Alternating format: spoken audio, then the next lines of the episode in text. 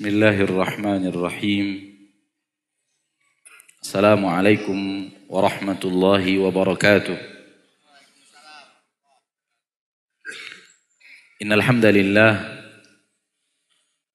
نحمده ونستعينه ونستغفره ونعوذ بالله من شرور أنفسنا ومن سيئات أعمالنا. من يهده الله فلا مضل له ومن يضلل فلا هادي له. أشهد أن لا إله إلا الله وحده لا شريك له. وأشهد أن محمدا عبده ورسوله صلى الله عليه وعلى آله وأصحابه ومن تبعهم بإحسان إلى يوم الدين. وسلم تسليما كثيرا. يا أيها الذين آمنوا اتقوا الله حق تقاته. ولا تموتن إلا وأنتم مسلمون. يا أيها الناس اتقوا ربكم الذي خلقكم من نفس واحدة. وخلق منها زوجها. وبث منهما رجالا كثيرا ونساء. واتقوا الله الذي تساءلون به والأرحام. إن الله كان عليكم رقيبا. يا أيها الذين آمنوا اتقوا الله وقولوا قولا سديدا. يصلح لكم أعمالكم ويغفر لكم ذنوبكم. ومن يطع الله ورسوله فقد فاز فوزا عظيما. أما بعد فإن أصدق الحديث كتاب الله. وخير الهدي هدي محمد صلى الله عليه وسلم. شر الأمور محدثاتها فإن كل محدثة بدعة وكل بدعة ضلالة وكل ضلالة في النار.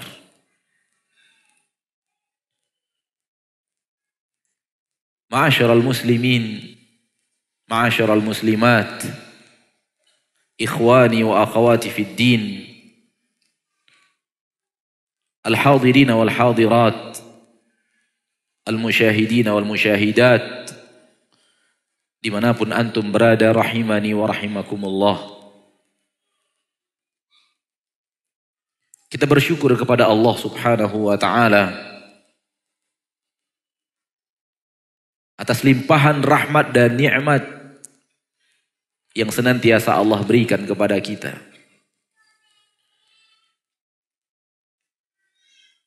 Dan di antara bukti rahmat dan kasih sayang Allah kepada seorang hamba adalah diarahkannya hati hamba itu kepada ilmu agama.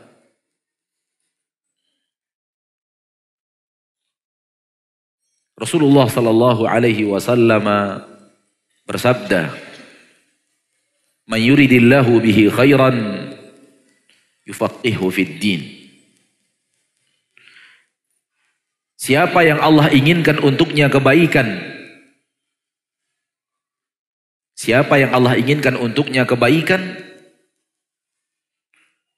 Allah jadikan dia faqih, faham dan mengerti fiddin akan urusan agama. Faham dan mengerti di dalam hadis ini adalah dalam kandungan makna mengerti ilmu din yang hak dan mengamalkannya dalam kehidupan sehari-hari.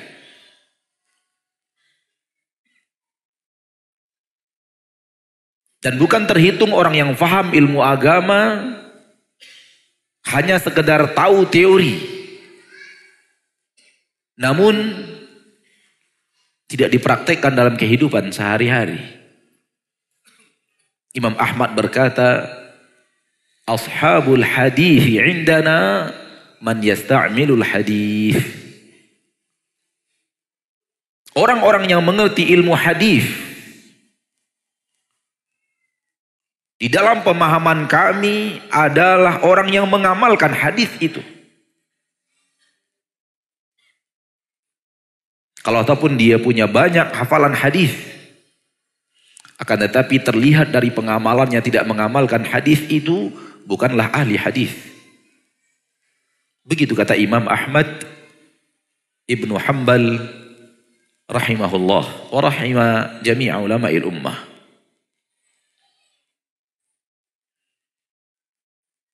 Maka bersyukur kita kepada Allah yang mengumpulkan kita pada kesempatan yang berbahagia ini untuk menimba ilmu din. Mempelajari ilmu agama Allah. Mudah-mudahan kita masuk di dalam khairiyah yang dikatakan Nabi Shallallahu Alaihi Wasallam tadi orang-orang yang Allah inginkan untuknya kebaikan. Karena kita tahu persis di hari ini, di detik ini Sebagian umat Islam justru memperbanyak volume maksiatnya kepada Allah. Dan mempertajam kualitas maksiatnya kepada Allah. Allah memilih kita. Pada kesempatan yang berbahagia ini untuk memperbanyak ibadah di hari di mana manusia memperbanyak maksiat. Dan ini nikmat yang teramat besar dari Allah Rabbul Izzati wal Jalalah.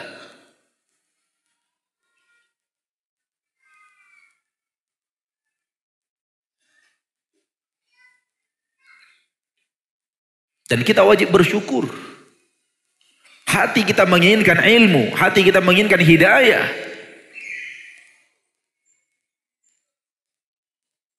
Kita ingin berkumpul di rumah Allah mendengarkan ayat-ayat Allah dan hadis-hadis Rasulullah dibacakan. Menimbulkan kecintaan kita kepada Rabb Allah tabaraka wa taala. Rasa rindu kita untuk bertemu Nabi Muhammad sallallahu alaihi wasallam.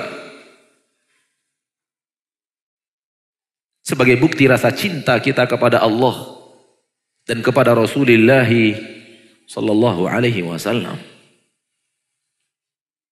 karena di antara bukti cinta, di antara tanda-tanda cinta adalah suka membicarakan orang yang dicintai.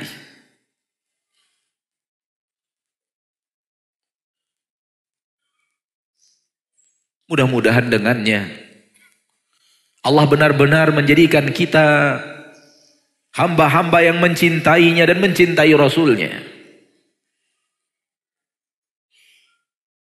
Untuk kemudian menggabungkan kita di akhirat di dalam kelompok Rasulullah sallallahu alaihi wasallam. Karena Nabi SAW mengatakan almaru ma'aman ahab. Orang akan dikumpulkan di akhirat bersama orang yang dia cintai.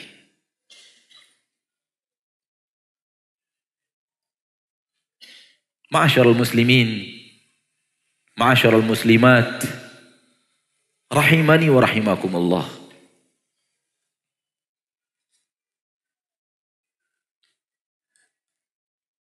Pada kesempatan yang berbahagia ini Allah tabaraka wa taala memudahkan kita untuk berkumpul padahal sebelumnya kita berjarak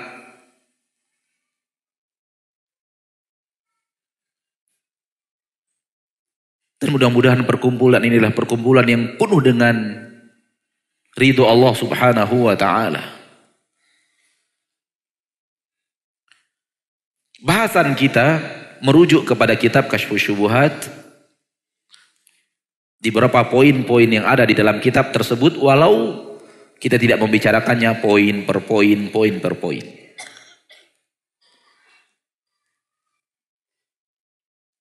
Ikhwani wa akhawati fid din rahimani wa rahimakumullah. Sebagaimana yang sudah antum ketahui bahwa kita berbicara tentang beberapa hal yang berhubungan dengan kesalahan dalam akidah. Akidah berasal dari kata-kata aqada yaqidu yang artinya mengikat.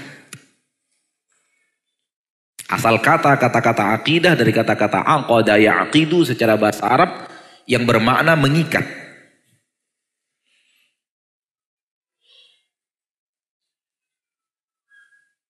Dan akidah Secara bahasan syariat adalah akidah keyakinan hati seorang hamba akan suatu perkara. Seolah-olah dia mengikat sebuah keyakinan di dalam hatinya. Dan dia ikat hatinya untuk sebuah keyakinan.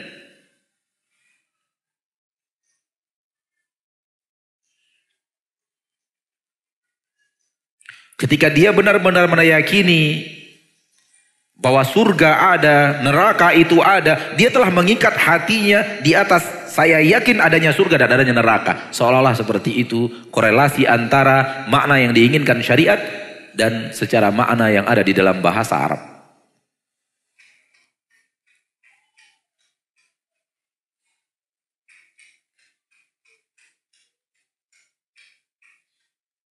Kita meyakini akan adanya fitnah kubur ujian di dalam kubur. Ketika seseorang mampu untuk menjawabnya, maka dia akan mendapatkan nikmat. Ketika seseorang tidak mampu untuk menjawabnya, dia mendapatkan azab. Kita ikat hati kita di atas keyakinan itu.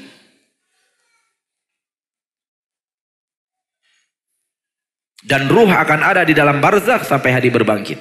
Kita ikat keyakinan kita. Kita ikat hati kita di atas keyakinan itu, di atas poin itu.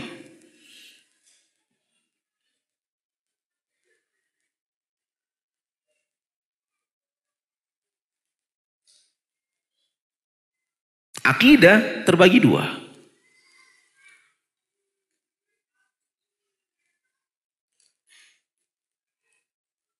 Ada akidah yang benar ada akidah yang salah.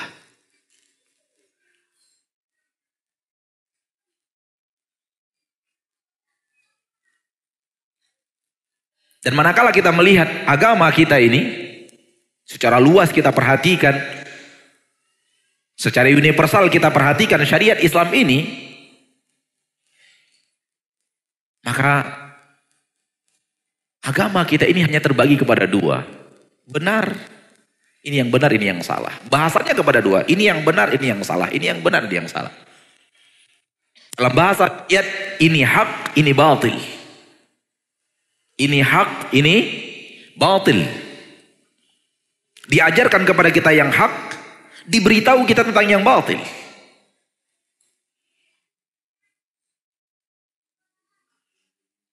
Agar kita tahu mana yang hak untuk diikuti, dan agar kita tahu mana yang batil untuk untuk dihindari. Karena orang yang tahu yang hak saja, tidak tahu yang batil, boleh jadi dia terperangkap kepada yang batil tanpa dia sadari. Dan ini kehidupan mayoritas kita. Atau semua kita kalau boleh kita katakan seperti itu. Karena tidak ada orang yang hidupnya semuanya hak. Kecuali para nabi dan para rasul. Itu pun karena Allah tabaraka wa ta'ala menjaga. Kita memiliki keyakinan para nabi dan para rasul adalah maksum.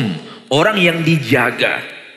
Kalau tidak dijaga oleh Allah, masuk dalam koridor manusia. Bersalah dalam hidupnya. Tapi karena Allah memberikan bantuan, ismah, dijaga oleh Allah dari kesalahan. Maka terjaga para nabi dan para para rasul. Dan itu pun para ulama berbeda pendapat. Apakah terjaga dari kesalahan-kesalahan besar dan kecil? Maksiat-maksiat, dosa besar dan dosa kecil? Ataukah terjaga dari dosa besar saja tanpa dosa kecil?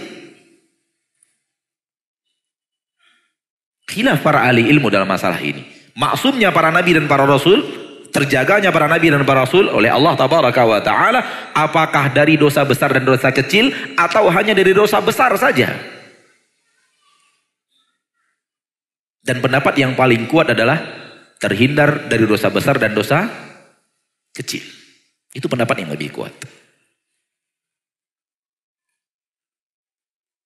Adapun teguran-teguran Allah di dalam Al-Quran terhadap para nabi dan para rasul,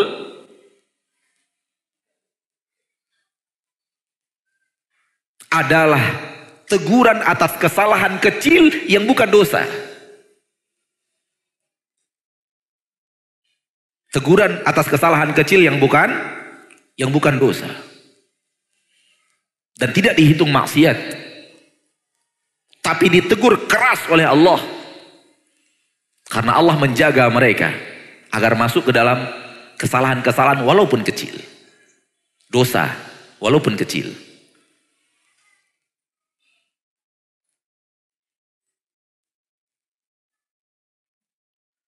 Masyaallah muslimin, masyaallah muslimat. Demikian juga halnya dengan akidah.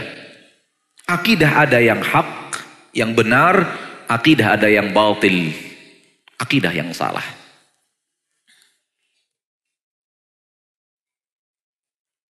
Kapan sebuah akidah dikatakan hak, benar? Dan kapan sebuah akidah keyakinan dikatakan batil, salah?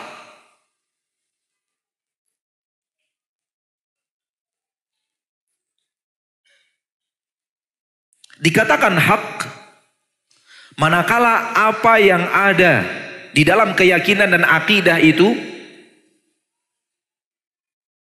apa yang kita yakini di dalam hati, di dalam dada kita sebagai akidah dan keyakinan itu sesuai dengan realita yang sebenarnya dan tidak berseberangan dengan realita nyata.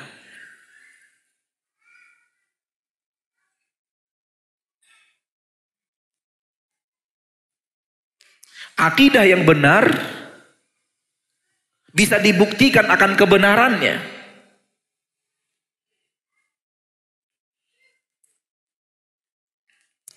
Akidah yang benar, kebenarannya bisa di bisa dibuktikan. Karena dia berkesesuaian dengan apa yang ada di dalam dunia nyata.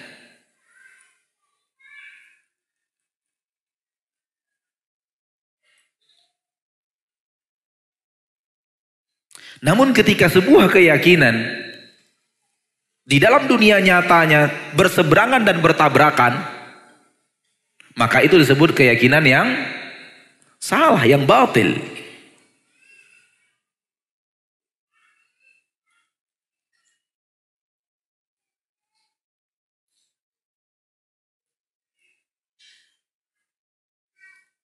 Kita ambil contoh.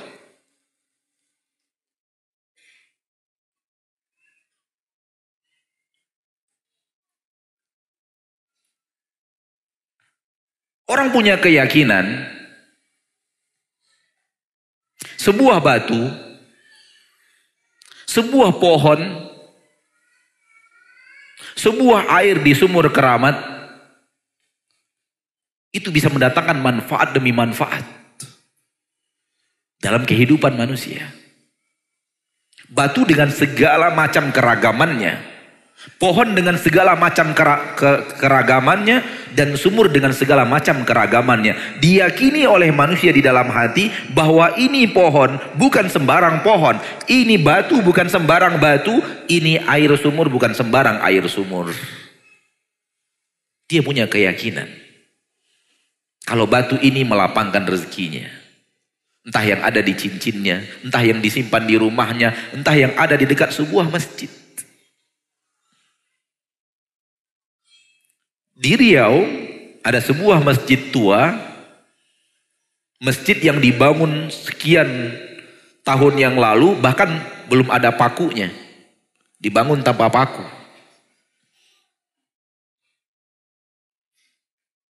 Di sumur masjid itu ada sebuah batu mirip kepala kerbau. Dan diyakini oleh masyarakat, sebahagian bukan semuanya, ini batu bukan sembarang batu. Kemudian air tempat sumur itu Diambil untuk obat, diambil untuk ini, diambil untuk tanaman. Karena kalau diberikan kepada tanaman, tanaman itu akan berkah, akan subur dan semacamnya.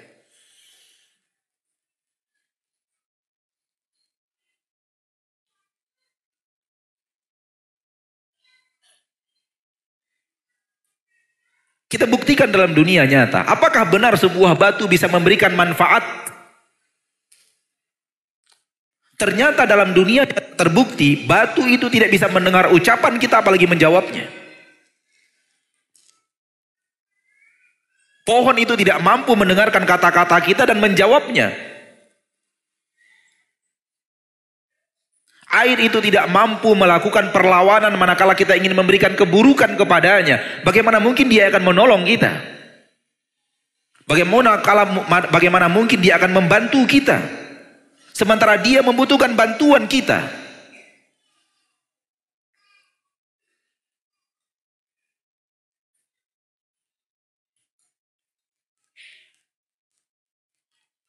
Fahamlah kita bahwa keyakinan ini bertolak belakang dengan hal yang nyata dalam kehidupan.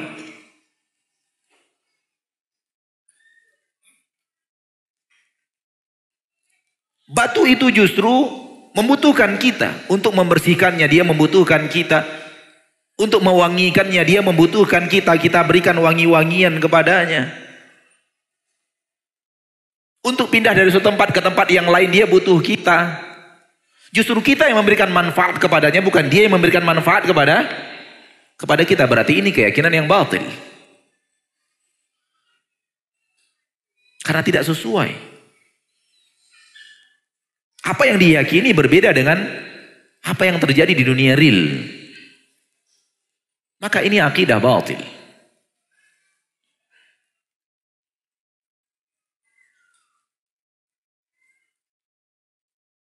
berhubungan dengan masalah-masalah gaib yang tidak mungkin bisa dibuktikan oleh manusia dengan panca indera, maka pembuktian bahwa ini benar dan tidak benar adalah melalui wahyu.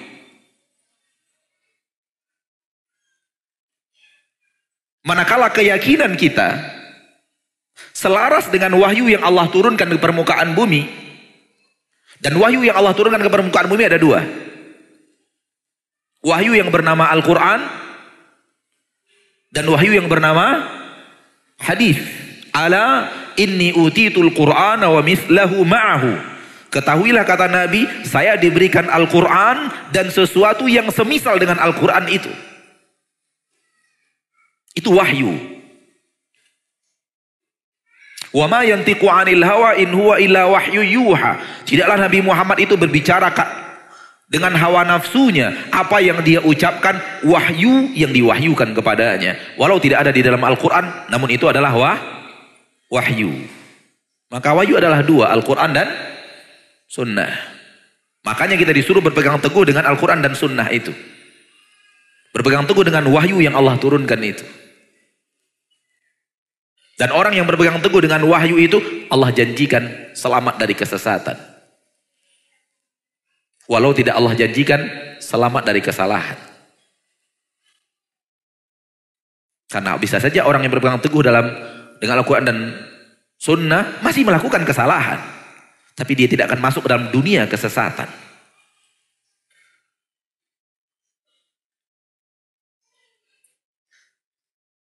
Karena tidak ada manusia selain para nabi dan para rasul, sehebat apa pun dia berpegang teguh dengan Al-Quran dan Sunnah tanpa salah. Enggak ada. Al-ismatu dufinat. Yauma dufinal Mustafa sallallahu alaihi wasallam ismah terpelihara daripada dosa telah terkubur bersamaan dengan terkuburnya jasad Rasul kita tercinta Muhammad sallallahu alaihi wasallam. Maka semua kita berdosa, membuat kesalahan. Tapi yang berpegang teguh dengan Al-Quran dan Sunnah tidak masuk dalam dunia kesesatan. Dan dia akan dijaga oleh Allah dari segala, segala aliran-aliran sesat.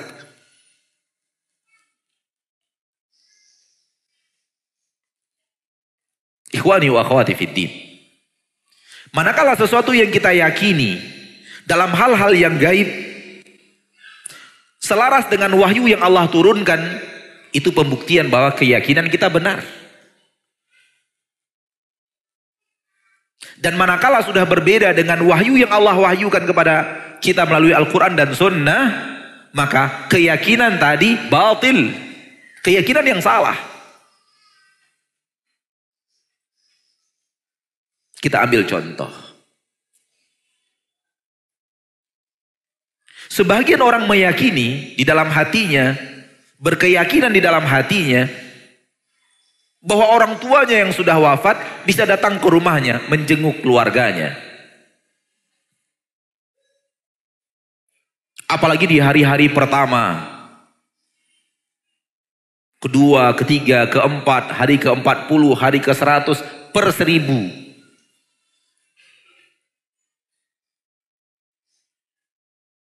Atau ada ruh yang penasaran keluar dari alam barzakh untuk menuntut balas terhadap orang-orang yang menzoliminya. Atau sekedar membuat iseng, membuat onar, dan menertawakan orang-orang yang ketakutan.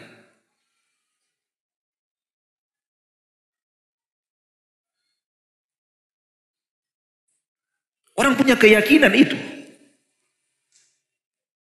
Di tempat ini ada gadis yang dibunuh, sekarang rohnya gentayangan. Di tempat ini ada orang yang mati bunuh diri, sampai sekarang tempat ini adalah tempat yang angker. Rohnya gentayangan. Bukankah ini ada di tengah keyakinan umat Islam? Ada atau tidak ada? Banyak atau sedikit? Banyak yang punya keyakinan ini. Apakah akidah ini, keyakinan ini hak Mari kita kembalikan kepada wahyu yang Allah turunkan kepada manusia di permukaan bumi. Apakah sesuai apa yang diyakini oleh manusia ini, apa yang diyakini oleh sebahagian masyarakat kita dengan wahyu? Ternyata bertabrakan 180 derajat.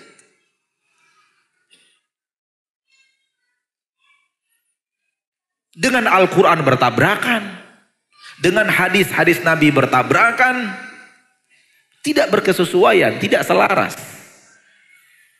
Allah berfirman di dalam Al-Quran, wa min waraihim barzakhun ila yaumi yub'atsun. Dan setelah kehidupan dunia ini ada barzakh. Barzakh ini ila yaumi yub'atsun sampai hari di mana mereka dibangkitkan.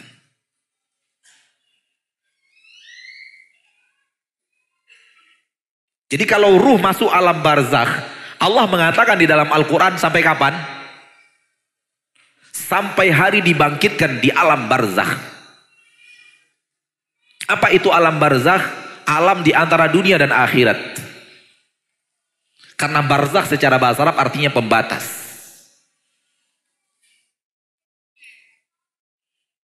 Dia membatasi antara kehidupan dunia yang fana dengan kehidupan akhirat yang baka. Sehingga ruh-ruh yang sudah keluar dari dunia fana belum masuk akhirat yang baka, dia masuk dulu dalam alam transit bernama alam barzakh. Allah katakan di alam barzakh ini ila yaumi yub'atsun. Sampai hari sampai hari di dibangkitkan.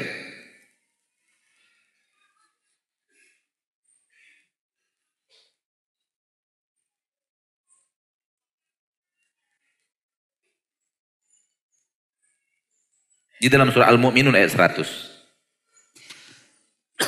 Terdapat dalam surah Al-Mu'minun ayat yang ke 100.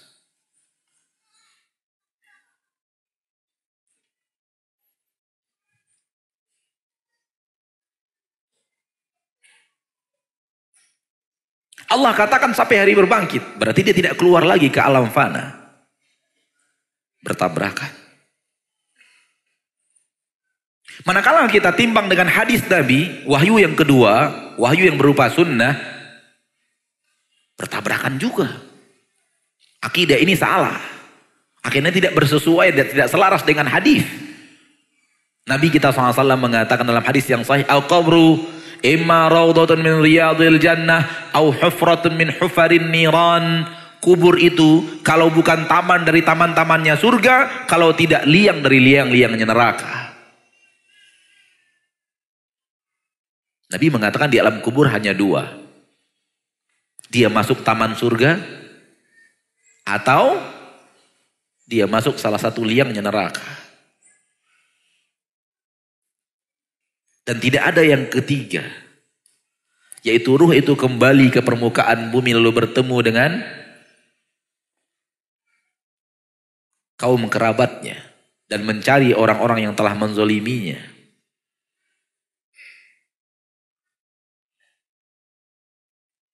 Kalau mereka mengatakan tidak, sesuai dengan wahyu kok, sesuai dengan kenyataan kok. Apa yang kami yakini bahwa ruh kembali sesuai dengan kenyataan. Kami punya bukti untuk itu. Kita katakan hatu burhanakum. Tunjukkan dalil kalian apa argumentasi kalian mengatakan itu ada. Buktinya Seminggu setelah ayahnya wafat, itu kelihatan ayahnya masih duduk di atas kursi goyang. Kursi kesukaan ayahnya. Terlihat di sana. Hampir setiap malam ada ayah dan situ kursinya bergoyang-goyang dan sebagian anaknya melihat dia duduk di situ.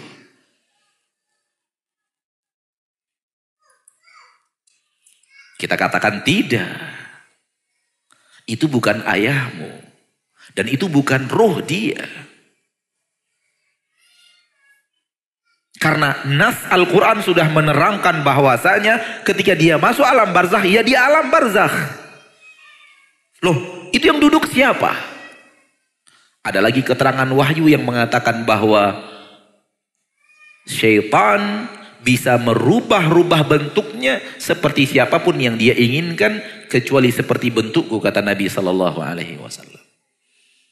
Jadi syaitan dari kalangan jin mampu melakukan perubahan dirinya, membentuk wajah siapa pun. Maka yang duduk itu bukanlah roh daripada ayah. Akan tetapi syaitan yang menjelmakan dirinya seperti ayah kita.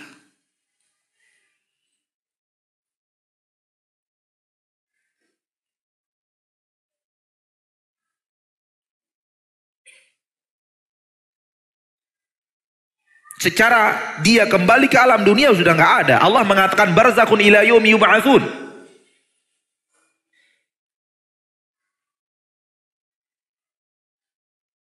Berarti yang duduk itu bukan bukan ayah, bukan ruh daripada ayah kita. Lalu siapa yang duduk itu?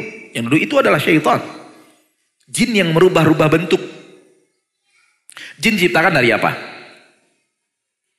Diciptakan dari api. Api bisa berubah bentuk enggak? Bisa kecil, bisa besar, bisa bisa kurus, bisa gendut. Bisa nggak?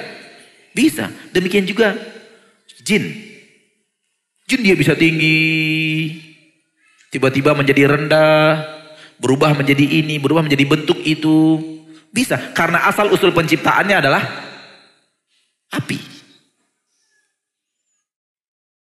Demikian juga dengan malaikat. Asal usul penciptaannya adalah cahaya.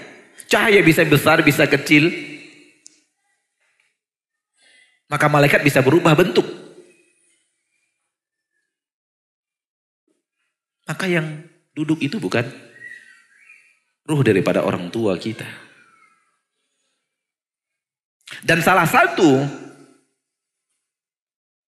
cara iblis dan bala tentaranya menyesatkan manusia adalah memberikan ketakutan di suatu tempat.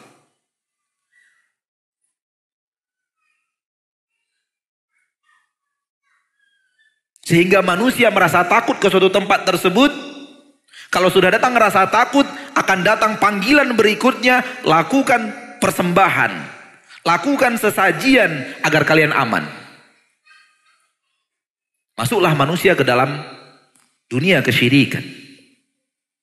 Dan itu yang dia lakukan dari dahulu kala. Atau setelah dia nampakkan sesuatu, orang punya harapan besar dari sesuatu itu. Lakukan persembahan agar Anda diberikan sesuatu yang luar biasa. Diberi suatu manfaat. Namun yang paling banyak adalah memberikan rasa takut.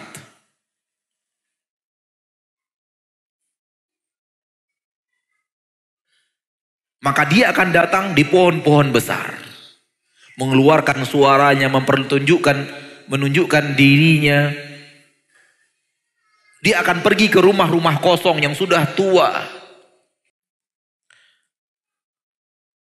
Ikhwani wa akhwati fiddin rahimani wa rahimakumullah. Terbukti setelah keyakinan ini disorot dengan kacamata syariat, Al-Quran dan hadis bertabrakan. Maka keyakinan ini keyakinan yang yang salah. Keyakinan yang batil.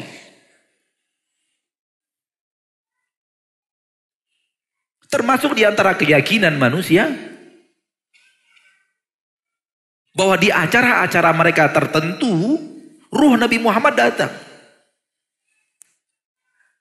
Ruh Nabi Muhammad datang. Sehingga mereka melakukan amalan-amalan tertentu di hari-hari tertentu. Pas pada jam tertentu mereka berdiri menyambut datangnya ruh Nabi kita Muhammad. Sallallahu alaihi wasallam. Batil. Karena Nabi mengatakan barzakhun ila yaumi yub'atsun. Allah mengatakan barzakhun ila yaumi yub'atsun. Dan Rasulullah berada pada nikmat kubur.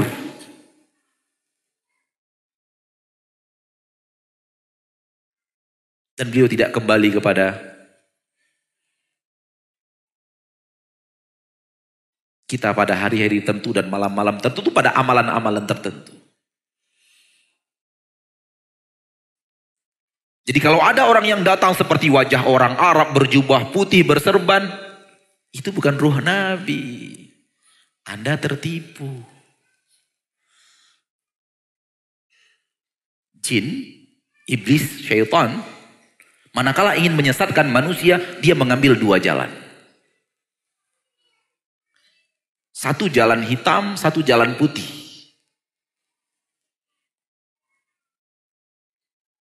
Sehingga manusia tertipu. Manusia mengira jalan putih ini adalah kebaikan. Oleh karena itu manusia mengenal ilmu hitam dan ilmu putih. Yang salah itu ilmu hitam, yang ilmu putih benar.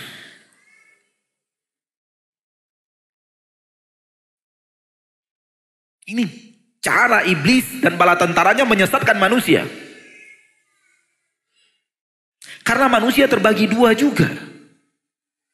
Ada pelaku-pelaku yang hobi maksiat. Iblis tipu dengan cara jalan hitam. Dan ada manusia yang hobi ketaatan. Dan sukanya beribadah bukan berbuat maksiat. Iblis menciptakan lagi cara menipu mereka.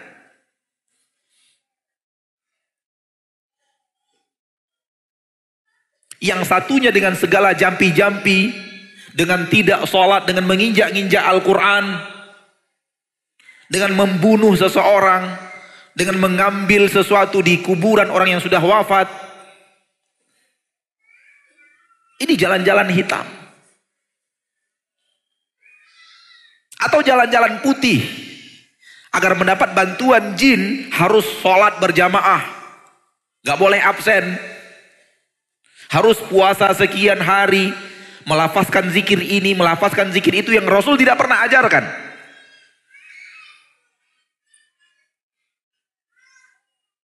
Dan orang mengira ini jalur kebaikan. Padahal itu jalur keburukan. Yang manusia tertipu dengan dengan pola iblis ini, dia mengira bahwa ini bagian daripada syariat.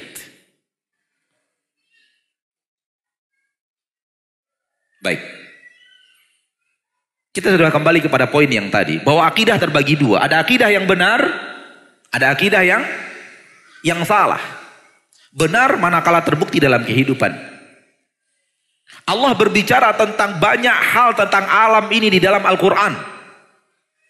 Allah bicara tentang banyak hal di dalam Al-Quran tentang alam semesta. Bicara tentang janin yang ada di dalam rahim. Bicara tentang tumbuh-tumbuhan. Bicara tentang laut. Bicara tentang gunung. Dan begitu manusia menggali ilmu tersebut terbukti 100% seperti yang Allah katakan di dalam Al-Quran. Itu pertanda bahwa seluruh keyakinan yang ada di dalam Al-Quran benar adanya. Orang-orang kafir Yang hidup di dalam kesyirikan, Allah katakan mereka hidup di dalam kegelapan. Di kedalaman samudra. Kedalaman samudra gelap gak? Luar biasa gelap.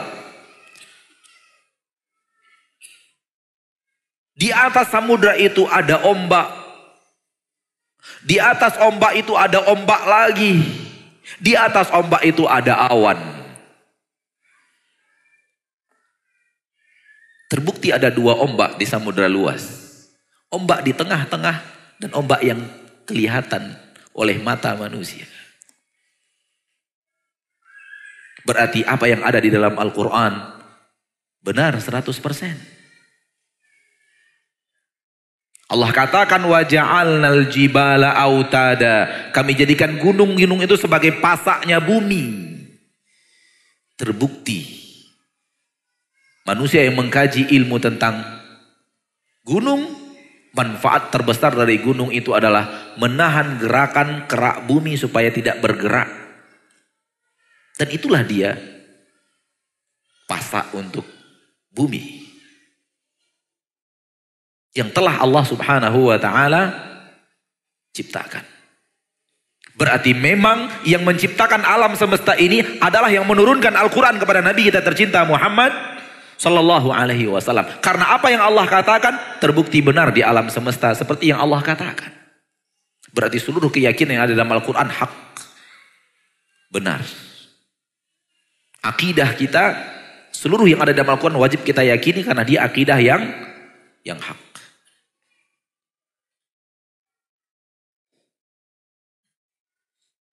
Bagian berikutnya adalah yang penting untuk kita ketahui bahwa manusia ini kita terdiri dari dua unsur. Pertama unsur rohani, ruh. Yang kedua unsur jasmani, jasad.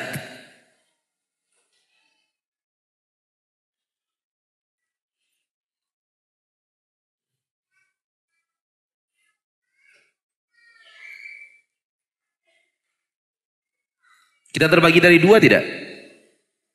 Kita ada dua. Ada ruh dan jasad. Yakin? Yakin. Dan semua manusia meyakininya.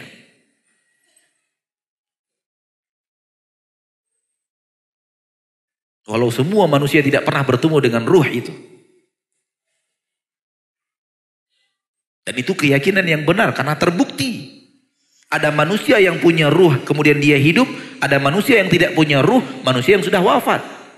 Walau jumlah giginya masih sama, jumlah kaki dan tangannya masih sama, bahkan jumlah rambutnya masih sama.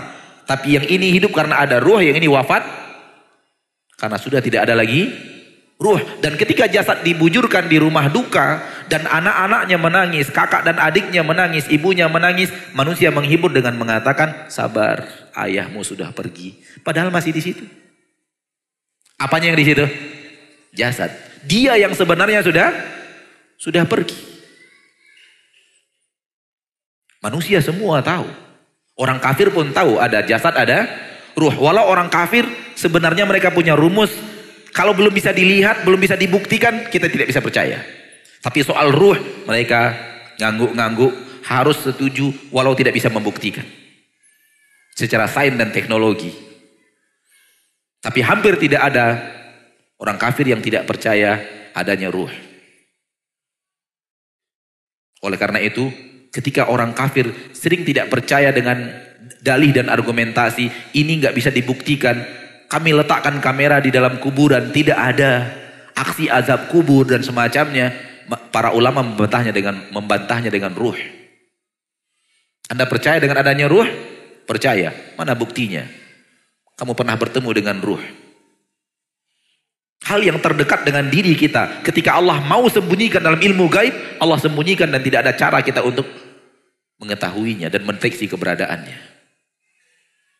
Yas'alunaka 'anir ruh, kulir ruhu min amri rabbi wa ma utitum minal ilmi illa qalila.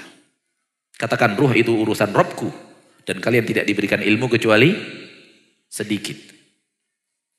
Dan sering ulama membantah mereka dengan mimpi di alam tidur. Bahwa kita merasakan sedih, kita berlari, kita kesusahan, kita kelelahan, kita bahagia. Padahal kita berada di tempat dan tidak bergerak. Bahwa bisa ada alam lain yang bukan alam nampak oleh panca indera manusia. Alhasil manusia ada dua. Ada ruh dan jasad. Yang mana yang paling penting? Dari dua unsur manusia itu, ruhnya apa jasadnya? Yang mana yang paling penting? Ruh apa jasad? Ruh. Sepakat? Ruh paling penting? Akidah pekerjaan ruh. Dan bukan pekerjaan jasad. Karena dia lebih penting daripada amalan. Saya ingin mengatakan akidah lebih penting daripada amalan. Walau kedua-duanya penting. Ruh dan jasad kita, dua-duanya penting. Namun yang lebih penting, yang lebih penting adalah ruh. Inti kita sebenarnya itu adalah ruh dan bukan jasad. Oleh karena itu ketika kita ruh kita pergi, orang mengatakan kita pergi. Walau jasad kita masih terbaring.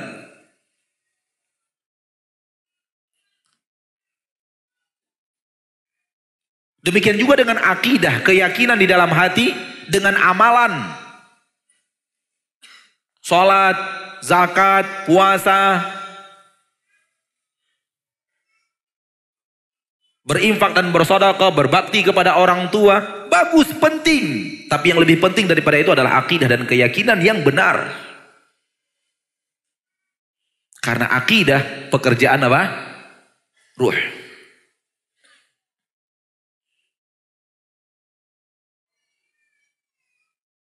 Oleh karena itu, iman posisinya lebih tinggi daripada Islam. Iman posisinya lebih tinggi daripada Islam. Karena Islam, lihat saja rukun Islam yang lima berhubungan dengan anggota badan manusia yang zahir, jasad. Sementara iman berhubungan dengan hati keimanan dan keyakinan yang ada di dalam dada. Karena ruh manusia lebih penting daripada jasadnya. Maka keberadaan iman jauh lebih tinggi daripada keberadaan Islam. Walau kedua-duanya penting.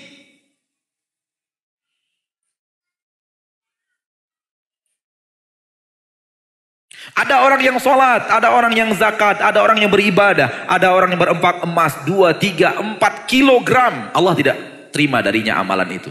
Kalau akidahnya belum benar.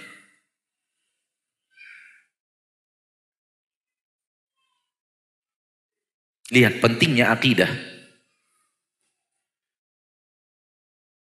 Bahkan Abdullah bin Umar, kenal Abdullah bin Umar? Abdullah bin Umar bin Khattab mengatakan ketika ditanyakan kepada mereka kepada beliau di musim haji oleh seorang tabi'in bernama Yahya bin Ma'mar dan sahabatnya ada di kampung kami di daerah Basrah sana kaum yang mengingkari qadar takdir dia punya keyakinan tidak ada takdir dan ini bahagian daripada akidah yang batil. Bisa antum catat juga bahagian daripada akidah yang batil. Keyakinan orang bahwa tidak ada takdir.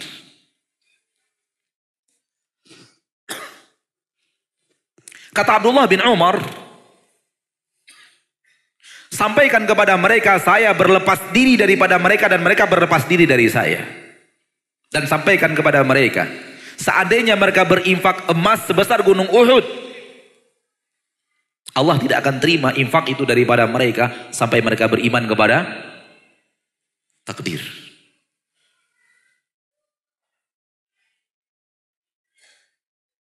Lihat bagaimana infak emas sebesar gunung Uhud.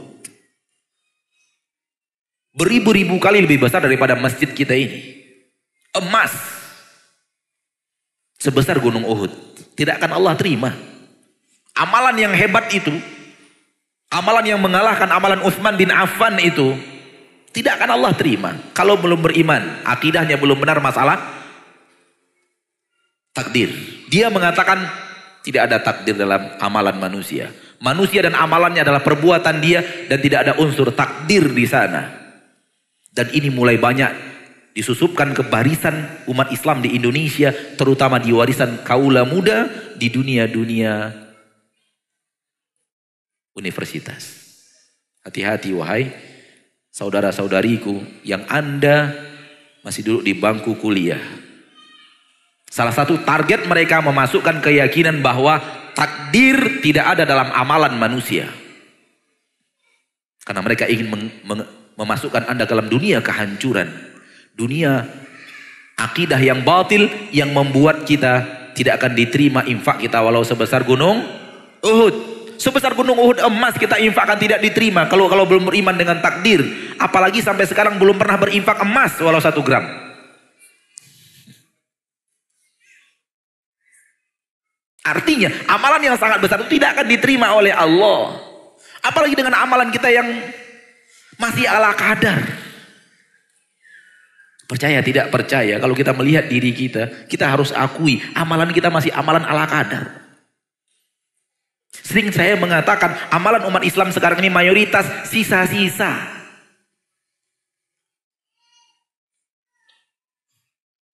Sisa waktu baru baca Quran. Sisa belanja pasar baru berinfak dan bersodako. Sisa resepsi baru dibagi-bagikan kepada tetangga.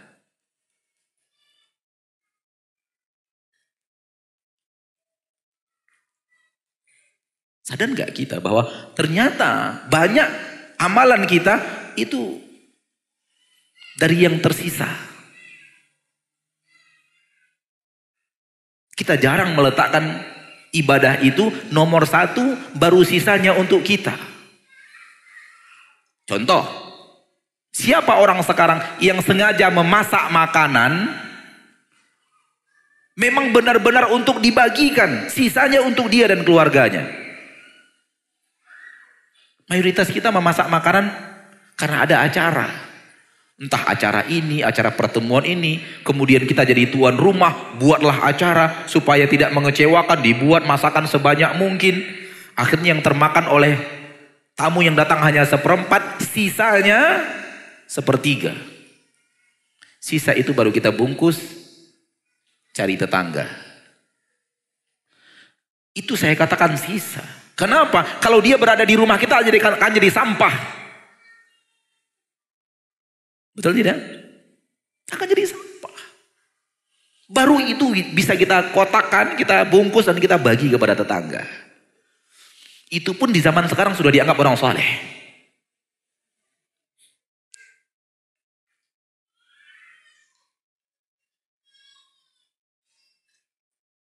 Ketika berinfak, lihat sisa-sisa. Ada nggak duit kecilnya? Allah katakan, "Lan tanalul tunfiqu mimma tuhibbun." Kalian tidak akan mendapatkan kebajikan yang sebenarnya sampai kalian infakkan apa yang sangat kalian cintai. Bukan yang memberikan sisa-sisa. Kita tidak ingin masuk panjang lebar dalam bahasan itu nanti. Bahasan kita lari lagi. Kembali kita kepada yang tadi. Yang tadi kita bahas apa yang terakhir? Takdir. Salah satu keyakinan yang salah, yang beredar di tengah kehidupan manusia adalah dan sengaja untuk disosialisasikan terutama di bangku-bangku universitas. Hati-hati. Mereka ingin menanamkan kepada kita keyakinan yang batil bahwa tidak ada takdir. Manusia dan perbuatannya adalah ciptaan manusia itu di sana tidak ada unsur takdir. Ini batil, batil, batil. Karena Allah mengatakan, Inna kulla syai'in khalaqnahu biqadar. Segala sesuatu kami ciptakan dengan takdir. Ma asabakum min musibatin fil ardi wala fi anfusikum illa fi kitabin min qabli an nabra'aha inna dzalika 'ala Allah yasir. Tidak ada yang terjadi pada diri kalian, tidak ada yang terjadi di permukaan bumi illa fi kitabin kecuali telah tertulis sebelumnya di dalam kitab min qabli an nabra'aha sebelum kami ciptakan dia. Inna dzalika 'ala Allah yasir. Yang demikian itu bagi Allah sangatlah mudah. Terdapat dalam surat Al-Hadid. Semua yang terjadi ada di dalam catatan.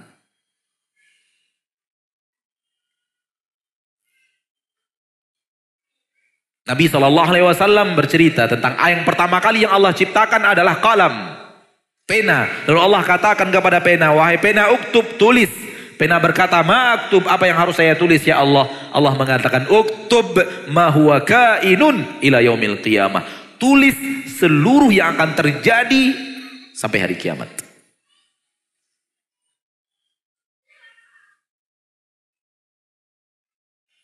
Makanya Nabi Muhammad SAW mengatakan, Ma akhta'aka lam yakun liyusibak, wa ma asabaka lam yakun liyukhti'ak. Rufi'atil aqlam, wajafatil suhuf. Apa yang Allah takdirkan menimpamu pasti menimpamu. Dan apa yang Allah takdirkan tidak menimpamu pasti tidak akan menimpamu. Telah diangkat pena dan telah kering catatan.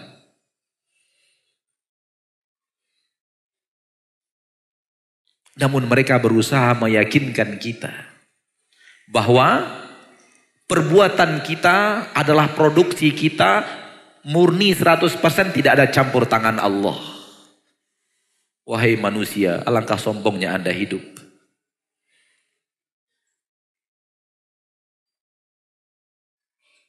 Dan itu diucapkan oleh sebagian ustadz ternama, masyhur, familiar, dan dakwahnya di televisi disaksikan oleh seluruh orang yang di berbagai daerah di Indonesia bahkan sampai ke luar negeri. Saya pernah menyaksikan sendiri ustadz tersebut, saya tidak perlu menyebutkan nama, karena tidak ada maslahatnya dalam menyebutkan nama pada kesempatan ini. Dia mengatakan, perbuatan manusia, pilihan manusia, bukan takdir Allah.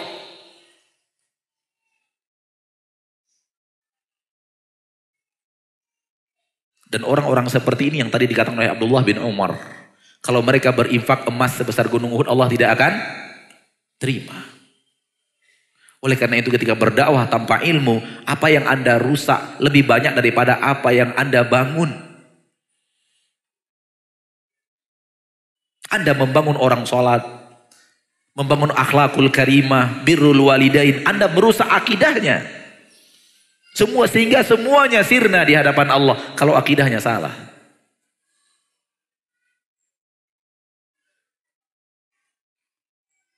Akidah lebih penting daripada amal. Di atas akidah ini berdiri amal soleh. Bagaikan bangunan ini, akidahnya adalah pondasinya. Dan pondasi berada di bagian dalam, tak terlihat oleh mata manusia. Yang terlihat adalah dinding, yang terlihat adalah kaca, yang terlihat adalah atap. Pondasi ada di dalam. Padahal dari semua yang ada ini yang terpenting adalah pondasinya. Demikian akhlak, eh, demikian akidah. Akidah ada di dalam. Di atas akidah ini dibangunlah sholat, dibangunlah zakat, dibangunlah sodakah, dibangunlah ibadah-ibadah lainnya. Orang yang sholat, namun dia meyakini sholat tidak wajib, keluar dari agama Islam. Akidahnya salah. Walaupun dia sholat. Namun dia yakin sholat tidak wajib, keluar dari agama Islam. Orang yang berinfak, bersodakoh, berzakat, namun dia yakin zakat tidak wajib, keluar dari agama Islam, akidahnya salah.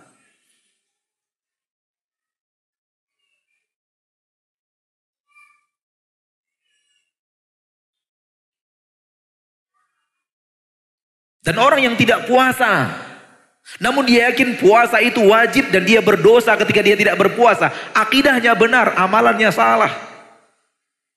Di akhirat Allah perhitungkan. Kalau Allah ingin maafkan, Allah maafkan. Kalau Allah ingin azab, Allah azab. Tapi dia tidak keluar dari agama Islam.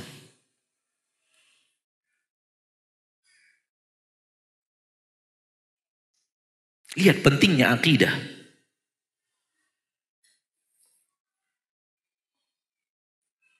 Dan akidah ini ma'asyarul muslimin, ma'asyarul muslimat. Ini yang bersatu di atasnya agama para nabi dan para rasul. Yang namanya akidah ini seluruh agama nabi dan rasul sama.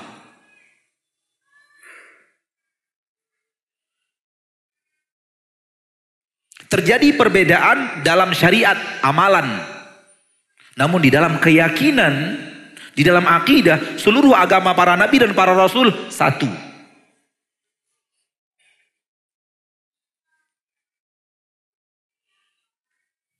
Apa yang diyakini oleh Nabi Adam, Nabi Nuh, Nabi Hud, Nabi Saleh, Nabi Ibrahim, Nabi Musa, Nabi Isa, itu yang diyakini oleh Nabi Muhammad sallallahu alaihi wasallam. Dan apa yang diyakini secara akidah oleh umat-umat para nabi itu itu yang harus diyakini oleh umat-umat Nabi Muhammad sallallahu alaihi wasallam. Dalam keyakinan mereka satu. Tidak ada beda. Dalam amalan bisa berbeda. Tapi dalam pondasi akidah agama para nabi itu satu. Nabi Muhammad SAW mengatakan, Al-anbiya'u ikhwatun li'allat.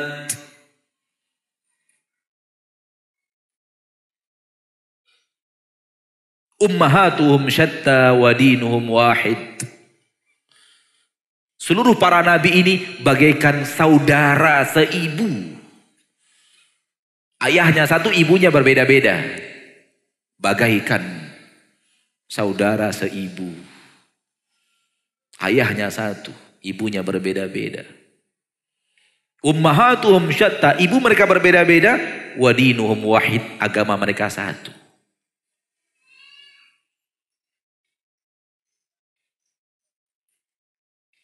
Apa agama Nabi yang satu itu? Agar menjadikan seluruh ketaatan ini, ibadah ini, Seluruh yang dicintai Allah yang kita lakukan ini agar semuanya diarahkan kepada Allah satu-satunya. Dan esakan Allah di dalam tujuan beribadah. Itu semua agama para nabi dan para rasul. Agar seluruh ketaatan ini, ibadah dan amalan yang kita lakukan ini jangan pernah kita arahkan kepada sesuatu selain Allah.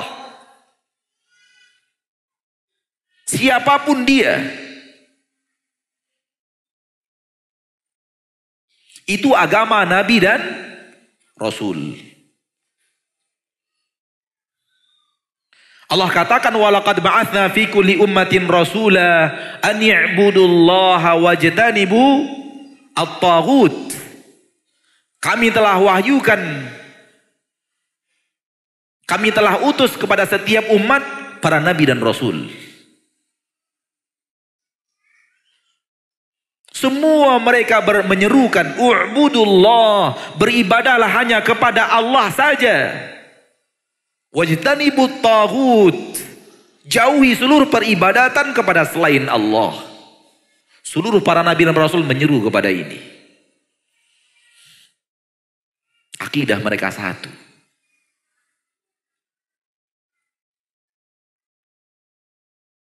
Dan akidah mereka itu yang disebut dengan akidah tauhid. Kita mulai menjurus kepada akidah tauhid.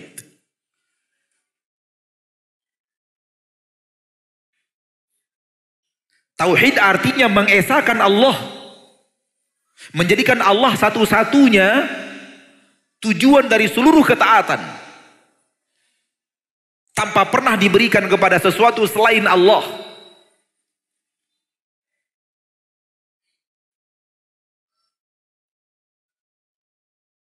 Itu yang didakwakan oleh Nabi Nuh, itu yang didakwakan oleh Nabi Hud, itu yang didakwakan oleh Nabi Saleh, itu yang didakwakan oleh Nabi Shu'aib, itu yang didakwakan oleh Nabi Ibrahim, Ini didakwakan oleh Nabi Yusuf. Mari kita buka di dalam surah Al-A'raf.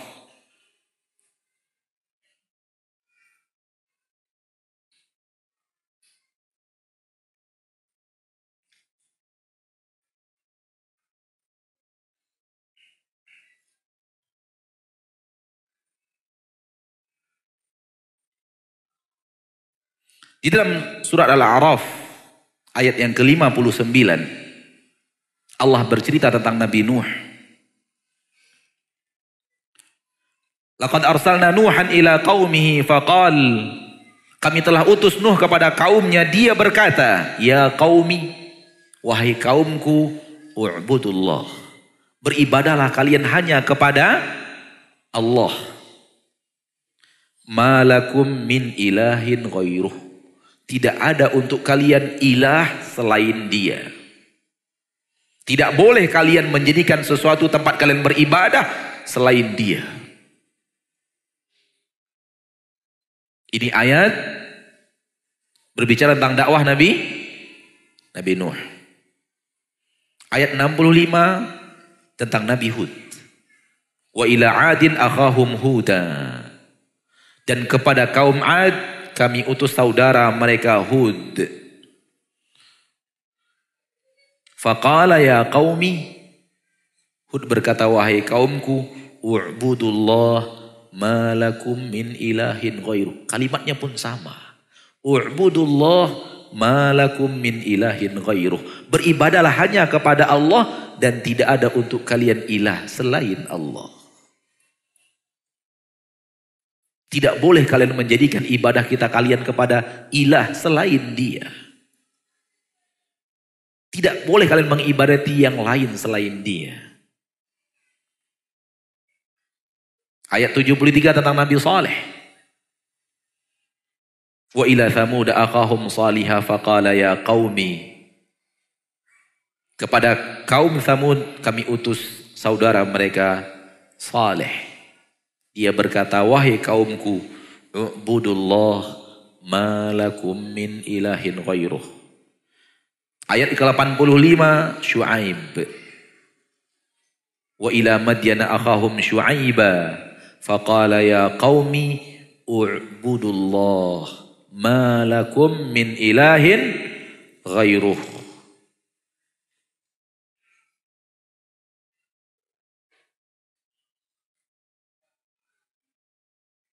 Lihat.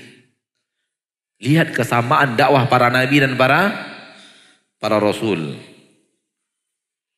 Nabi Yusuf di dalam surat Yusuf.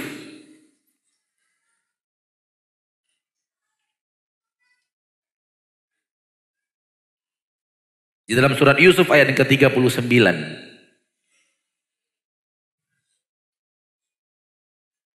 Ayat ke-39, Ya sahibai sijin. A'arbabun mutafarriquna khairun. Amillahul wahidul qahhar? Wahai dua sahabatku di dalam penjara Apakah rob-rob yang banyak ini yang selain Allah ini mereka lebih baik dibanding Al-Wahidul Qahar Allah yang satu-satunya yang mampu melakukan apa pun yang dia inginkan dan berkuasa. Lihat dakwah Nabi Nabi Yusuf kepada sahabatnya yang masuk penjara bersamanya. Sallallahu alaihi wasallam. Nabi Yusuf mendakwahkan tauhid. Lihat dakwah Nabi Ibrahim di dalam surat Al-Mumtahanah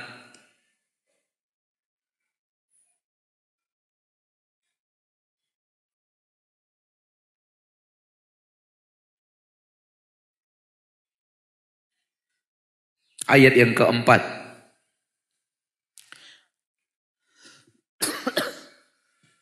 Qad kanat lakum uswatun hasanatun fi Ibrahim walladzina ma'ahu.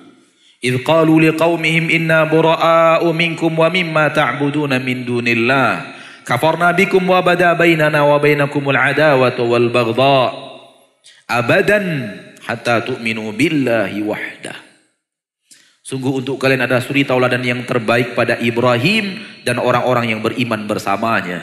Tatkala Ibrahim dan orang-orang beriman bersamanya mendeklarasikan kepada kaumnya dan berkata kepada kaumnya, "Ya kaum, wahai kaum, inna bura'a'u minkum, kami berlepas diri dari kalian, wa mimma ta'buduna min dunillah, dari apa pun yang kalian ibadati selain Allah." Kami berlepas diri dari seluruh ilah selain Allah. Kafar nabikum, kami ingkari semua yang kalian lakukan itu. Kami kufur dengan seluruh perbuatan kalian itu. Wabana bainana wa bainakumul adawatu wal baghda'u abadan. Dan akan terlihat permusuhan dan kebencian antara kami dan kalian untuk selama-lamanya. Hatta tu'minu billahi wahdah. Sampai kalian beriman kepada Allah satu-satunya.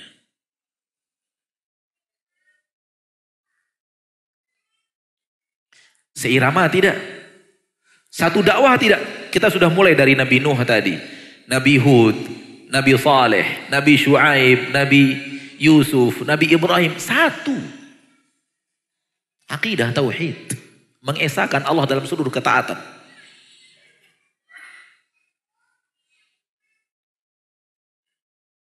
Dan seluruh perkataan Nabi-Nabi tadi kepada kaumnya Dialah makna la ilaha illallah.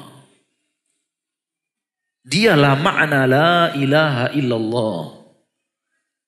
Tiada yang diibadati kecuali Allah. Kita tidak akan beribadah kepada apa pun kecuali hanya kepada Allah. Ikhwani wa akhwati fiddin rahimani wa rahimakumullah. Dan la ilaha illallah ini yang diberikan Allah kepada Nabi Muhammad sallallahu alaihi wasallam. Innahum kanu idza qila lahum la ilaha illallah yastakbirun. Nabi Muhammad dan kaumnya dikatakan oleh Allah kaum Muhammad itu apabila dikatakan kepada mereka la ilaha illallah yastakbirun mereka menyombongkan diri apa itu la ilaha illallah? Itu dia tadi yang didakwahkan oleh para nabi dan para rasul. Beribadalah hanya kepada Allah, jauhi peribadatan kepada selain Allah. Ini agama seluruh para nabi dan para rasul. Dan kita harus tahu apa itu la ilaha illallah. Kalau kita ucapkan la ilaha illallah, lalu ada ibadah kita yang kita persembahkan kepada selain Allah, la ilaha illallah kita batal. Karena perbuatan kita telah membatalkan ucapan la ilaha illallah yang kita ucapkan.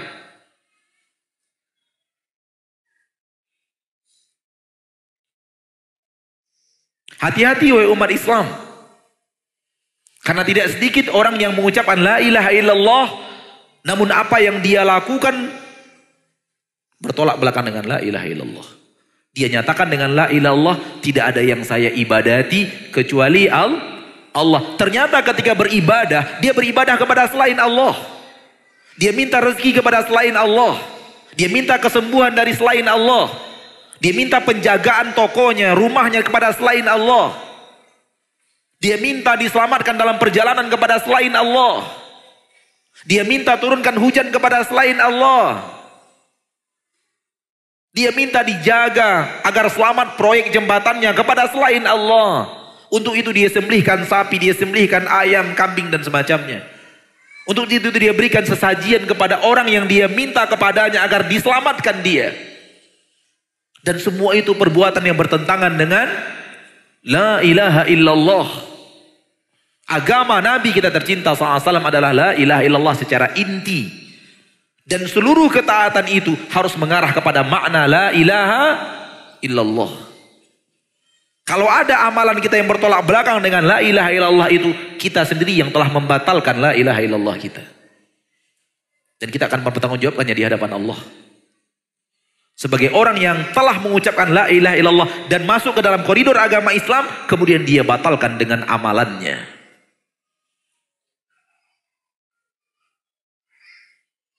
Dan itu bahasan kita pada hari kemarin. Bagi kita yang hadir, Jangan batalkan la ilaha illallah kita dengan perbuatan kita. La ilaha illallah menyuruh kita berdoa hanya kepada Allah. Jangan pernah lagi minta kepada dukun. para tidak normal.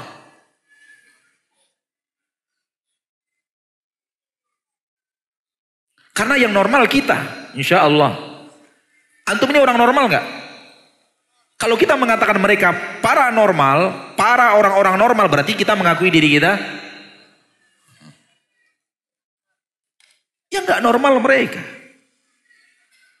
Iblis itu salah satu cara dia menipu manusia namanya dirubah-rubah. Dirubah-rubah namanya oleh iblis itu. Sehingga kita salah menyebutnya. Yang buruk dibuat baik namanya. Supaya orang tertipu.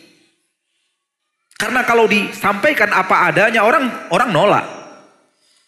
Antum kalau ditulis di rekening antum riba sekian persen. Mau nggak antum terimanya? Gak mau, makanya nggak ditulis riba, ditulis bunga. Tuh. Bunga itu indah, harum, menyejukkan.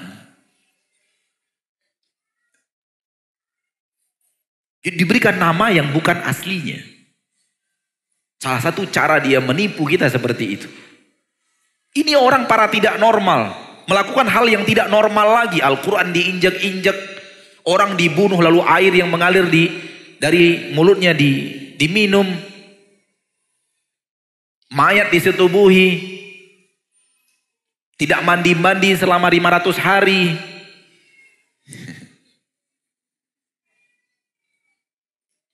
Atau berzikir dengan zikir yang aneh-aneh.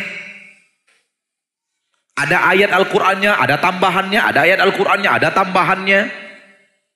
Panggilan-panggilan kepada makhluk-makhluk halus.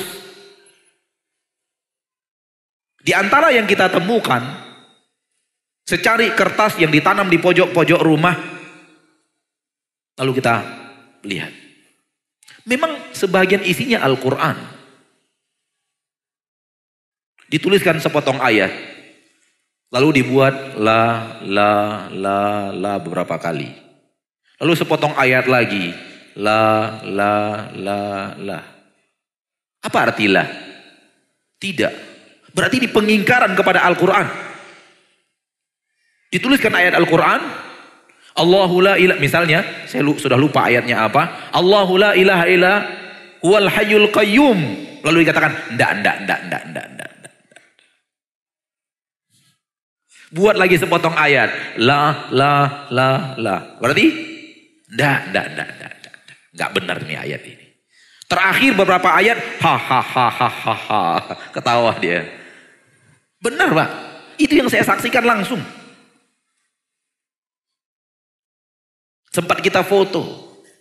Sayang handphonenya hilang. Artinya apa? Orang yang tidak mengerti bahasa Arab, dia mengira ini adalah bagian daripada kebaikan. Al-Quran gak mungkin salah. Di dalam kejadian yang lain, kita temukan juga tangkal dan jimat dari seseorang cari kertas berbahasa Arab.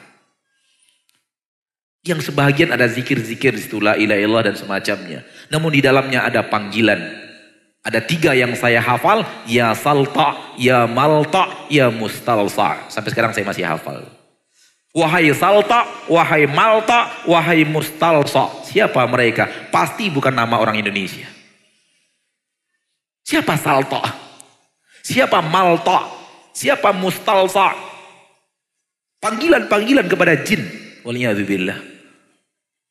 Oleh karena itu tangkal dan jimat adalah keyakinan yang batil didatangkan kepada kita oleh teman-temannya jin yaitu para tidak normal.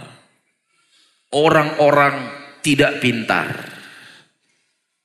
Karena kalau dia pintar dia akan bertauhid kepada Allah. Kalau dia tidak pintar pengikutnya lebih tidak pintar lagi. Karena dia berguru kepada orang yang tidak pintar datang ke dukun, minta karirnya dinaikkan. Dukun itu RT aja tidak. Minta ke dukun agar kemudian rezekinya dikembangkan, di, diperluas, di usahanya dimajukan. Dukun itu miskin semiskin-miskinnya. Kalau dia bisa melapangkan rezeki, kalau dia bisa melapangkan rezeki, kita akan rezeki dia dilapangkan dulu.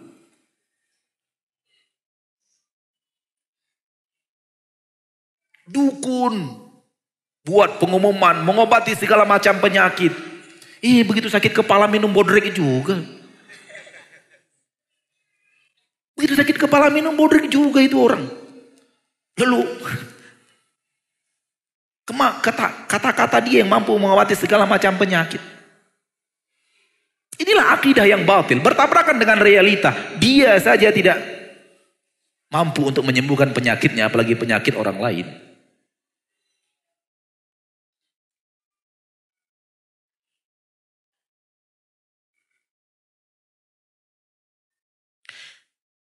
Kata inti adalah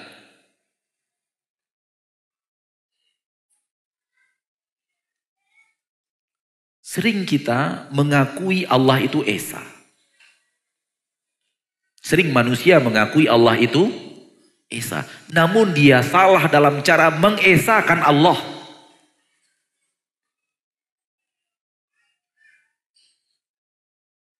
Di situlah terjadi kesyirikan. Sehingga lari daripada tauhid. Tauhid itu mengesahkan Allah. Jadikan Allah satu-satunya tempat kita mencurahkan seluruh ibadah kita kepadanya harapan kita kepadanya kita beribadah satu-satunya namun kita berikan ibadah itu kepada selain Allah semua orang Islam mengakui Allah itu Esa namun tidak semua umat Islam benar-benar mengesahkan Allah di dalam peribadatannya dan itu yang kemarin dikatakan oleh salah seorang ikhwan yang hadir. Benar dalam tauhid rububiyah, salah dalam tauhid uluhiyah dan itu yang terjadi kepada orang-orang Quraisy di zaman Rasulullah SAW mendakwahkan Islam. Mereka dalam tauhid uluhiyah, masya Allah pak, benar. Tetapi dalam mengesahkan Allah dalam perbuatan salah.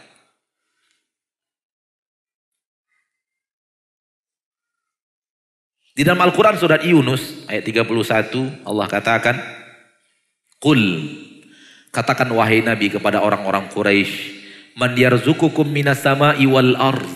Siapa yang sebenarnya memberi rezeki kepada kalian di langit dan di bumi? Katakan siapa? Amma yamliku sam'a wal. Tanyakan kepada mereka, siapa yang menguasai pendengaran dan penglihatan? Wa yukhrijul hayya minal wa yukhrijul mayyita minal hayy. Siapa yang mengeluarkan yang hidup dari yang mati, mengeluarkan yang mati dari yang hidup? Maksudnya ada sesuatu yang hidup, tiba-tiba ia matikan. Sehingga mengeluarkan yang mati dari yang hidup. Ada yang awalnya mati, kemudian dia hidupkan. Siapa yang melakukan semua itu? Wa may yudabbirul amr. Tanyakan kepada mereka, siapa yang mengatur seluruh perkara? Fasayaqulun Allah. Mereka pasti akan menjawab, Semuanya itu Allah yang melakukan. Ini orang Quraisy. Berarti mereka punya keyakinan Allah itu Esa dalam mengerjakan seluruhnya. Namun ketika beribadah, mereka berikan kepada Lata, mereka berikan kepada Uzza, mereka berikan kepada Manah, dan kepada patung-patung yang lainnya yang berjumlah sangat banyak ketika itu. Namun yang terkenal ada tiga. Lata, Uzza, dan Manah. Lata itu kuburan keramat. Uzza itu pohon keramat. Dan mana batu. Dan ternyata sampai sekarang ini tempat-tempat kesyirikan tidak jauh-jauh dari batu keramat, pohon keramat atau kuburan keramat. Kalau ataupun ada sumur dekat kubur itu bukan sumurnya tapi karena karena kuburnya. Kalau tahu ada tanah dekat situ bukan tanahnya tapi karena kuburnya.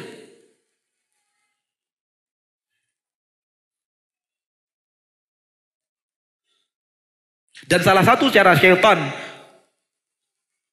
menyelewengkan akidah manusia adalah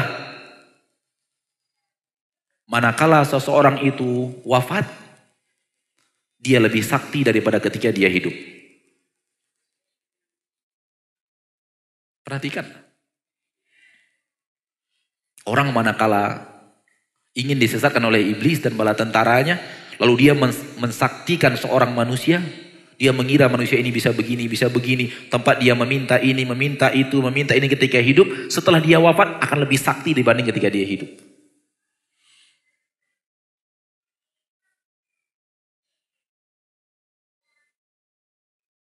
Di Sudan, diceritakan oleh sahabat kita. Itu kepala kambing sengaja diletakkan untuk tangkal di kebun agar kemudian tidak datang di kebun itu sesuatu yang memusnahkannya dan menghancurkan isi kebun itu daripada hama ini hama itu. Kepala kambing dijadikan tangkal.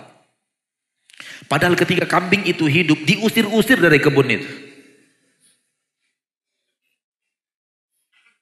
Ketika kambing itu masih hidup, diusir dari kebun supaya dia tidak merusak kebun. Kenapa ketika sudah mati, sudah menjadi bangkai, kepalanya jadi keramat. Sehingga bisa menolak hama dari dari kebun. Begitu permainan setan di mana-mana. Orang yang sudah wafat, dia membutuhkan orang yang hidup, betul tidak? Betul, membutuhkannya dari memandikannya, mengkafankannya. Dia nggak bisa mandi sendiri, tidak bisa mengkafani diri sendiri, menyolatkannya. Karena dia tidak bisa sholat sendiri. Makanya manusia yang belum sholat jangan sampai tunggu disolatkan orang. Sholatlah sendiri sebelum anda disolatkan orang. Pergi ke kubur diantar orang nggak bisa. Dia membutuhkan orang hidup. Setelah berada di dalam kubur dia membutuhkan doa istighfar. Anak-anaknya, istrinya, suaminya, karib kerabatnya, murid-muridnya, teman-temannya dia membutuhkan mereka untuk mintakan ampun kepada Allah atas dosa dan kesalahannya. Dia membutuhkan orang hidup, bukan orang hidup yang membutuhkan orang wafat. Namun dibolak balik. Manakala kita mengkaji Islam dan dakwah iblis itu biasanya bertabrakan 180 derajat. Bertabrakan 180 derajat. Begitu terus. Salah satu bukti bahwa itu batil bertabrakan 180 derajat dengan Al-Quran dan hadis.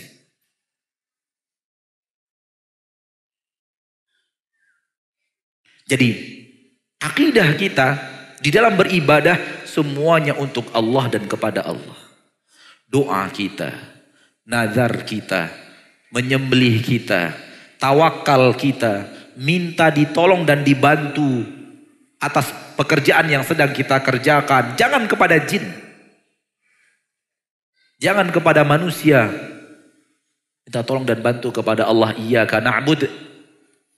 Wa iyaka nasta'in.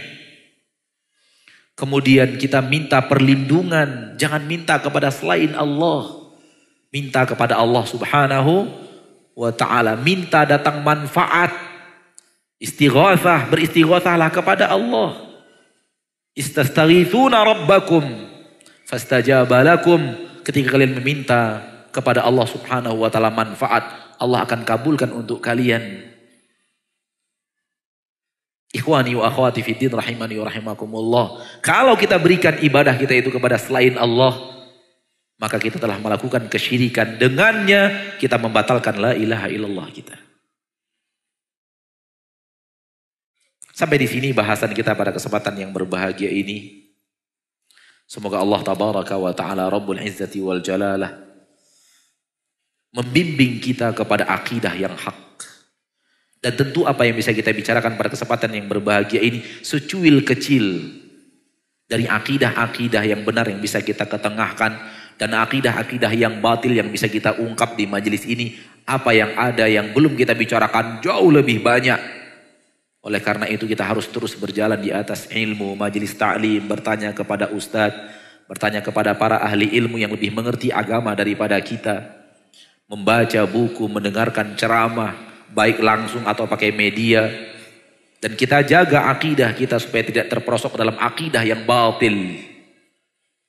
Karena akidah yang batil akan melahirkan amalan yang batil. Karena amalan itu suatu pasti dibangun di atas akidah. Semoga bermanfaat terutama bagi yang untuk yang berbicara sallallahu wasallam wa baraka wa an'am ala abdihi wa rasulihi Muhammad. Kita lanjutkan insyaallah dengan menjawab pertanyaan-pertanyaan.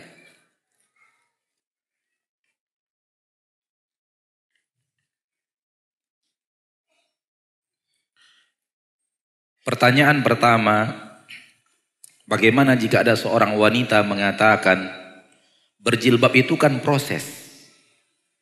Lebih baik berjilbab hati dulu sampai siap karena percuma pakai jilbab tapi hatinya masih kotor dan belum dihijabi.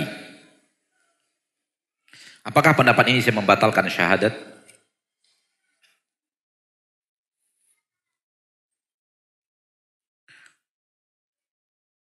Bagaimana caranya yang baik untuk menegur seseorang yang menyatakan hal yang demikian?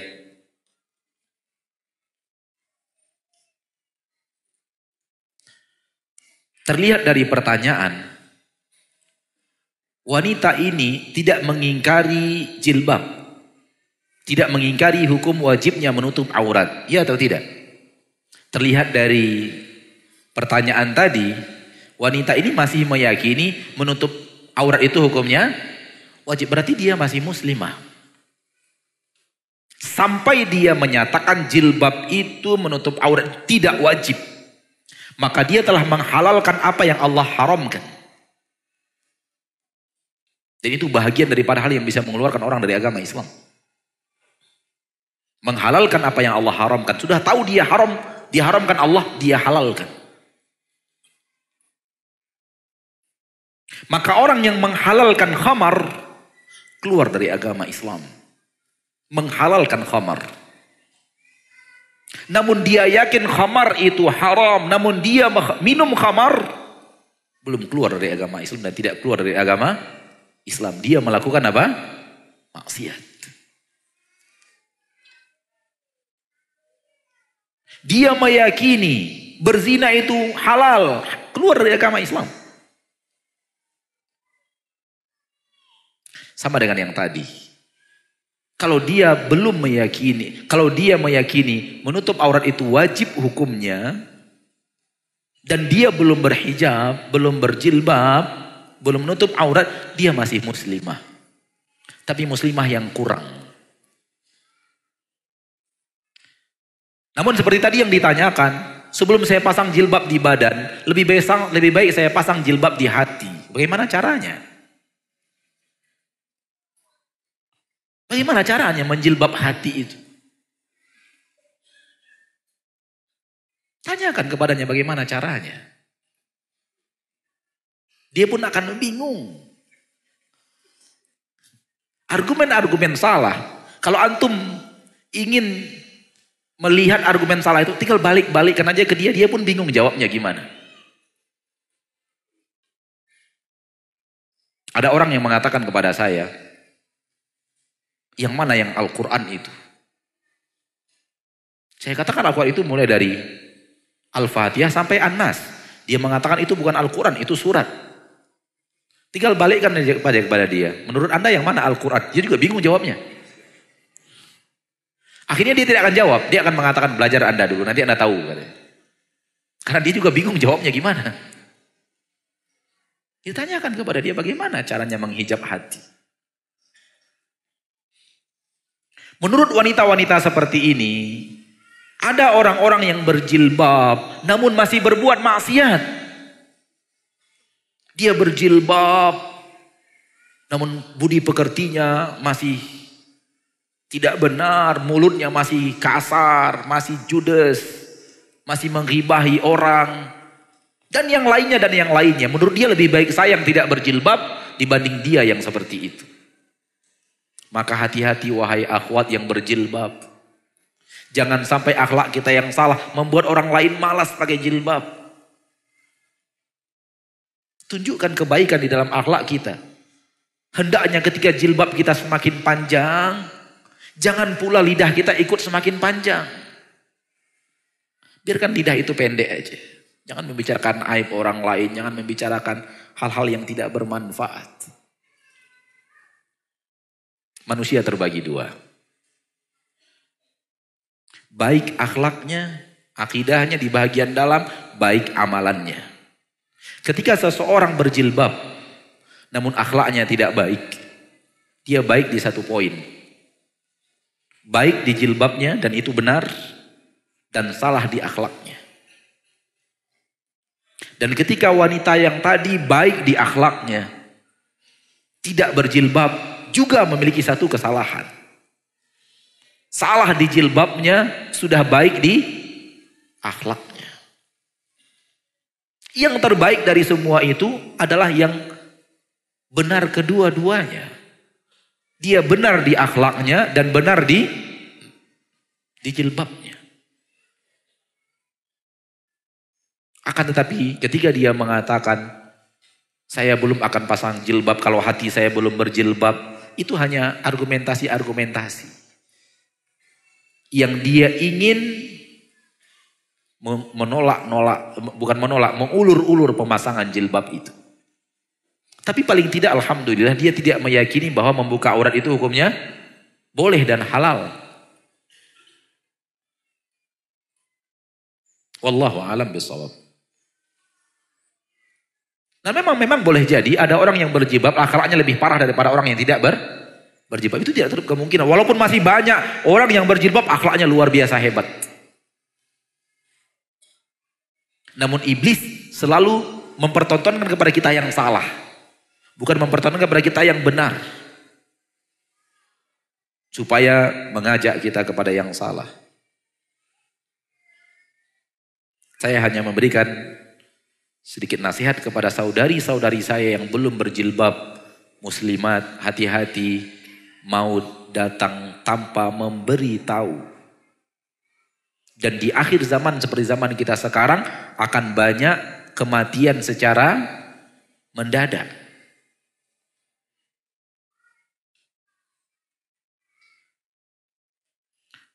Kematian secara mendadak tidak hanya jantung. Kecelakaan. Tenggelam, Bahkan ada orang yang mati mendadak hanya karena duduk di halte. Mati man? Ada. Karena ada mobil yang tiba-tiba nabrak dia. Padahal dia cuma duduk di halte pak. Tiba-tiba mobil ngaur. Orang mabuk. Nabrak.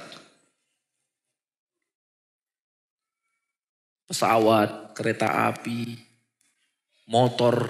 Apa banyak. Setiap hari. Setiap hari orang mati mendadak dengan kecelakaan-kecelakaan dengan kendaraan-kendaraan yang telah dimudahkan Allah Subhanahu wa taala kita untuk mendapatkannya yang tidak Allah mudahkan untuk orang lain.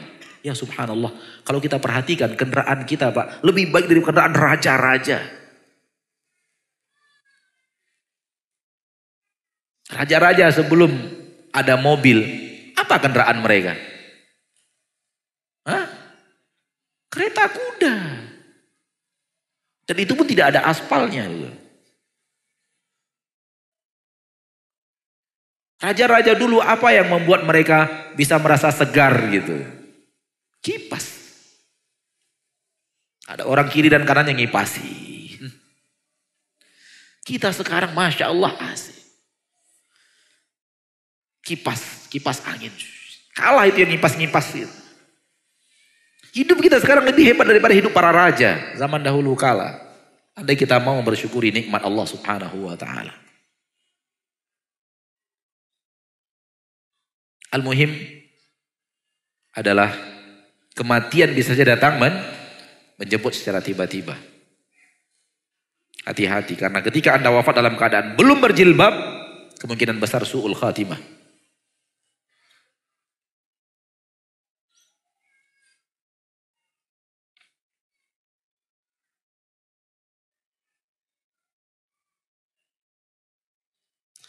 Di dalam hadis dijelaskan bahwa dari 73 golongan Islam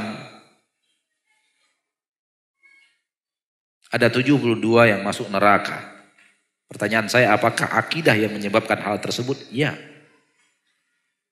Perbedaan-perbedaan kelompok adalah perbedaan akidah dan keyakinan dan bukan saja benar akidah dan keyakinan kemudian berbeda amalan, tidak berbeda di keyakinan.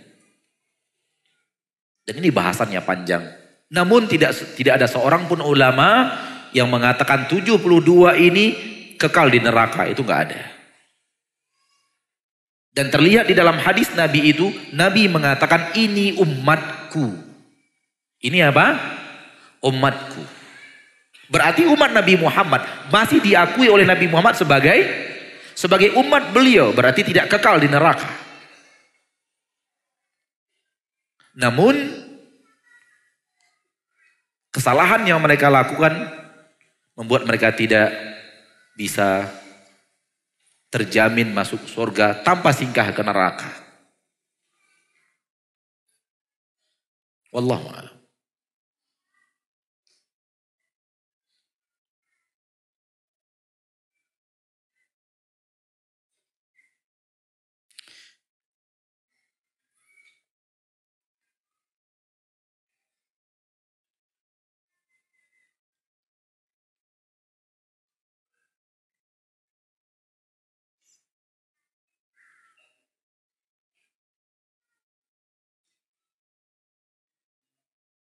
Banyak orang yang menyimpan benda-benda pusaka seperti keris dan lain-lainnya.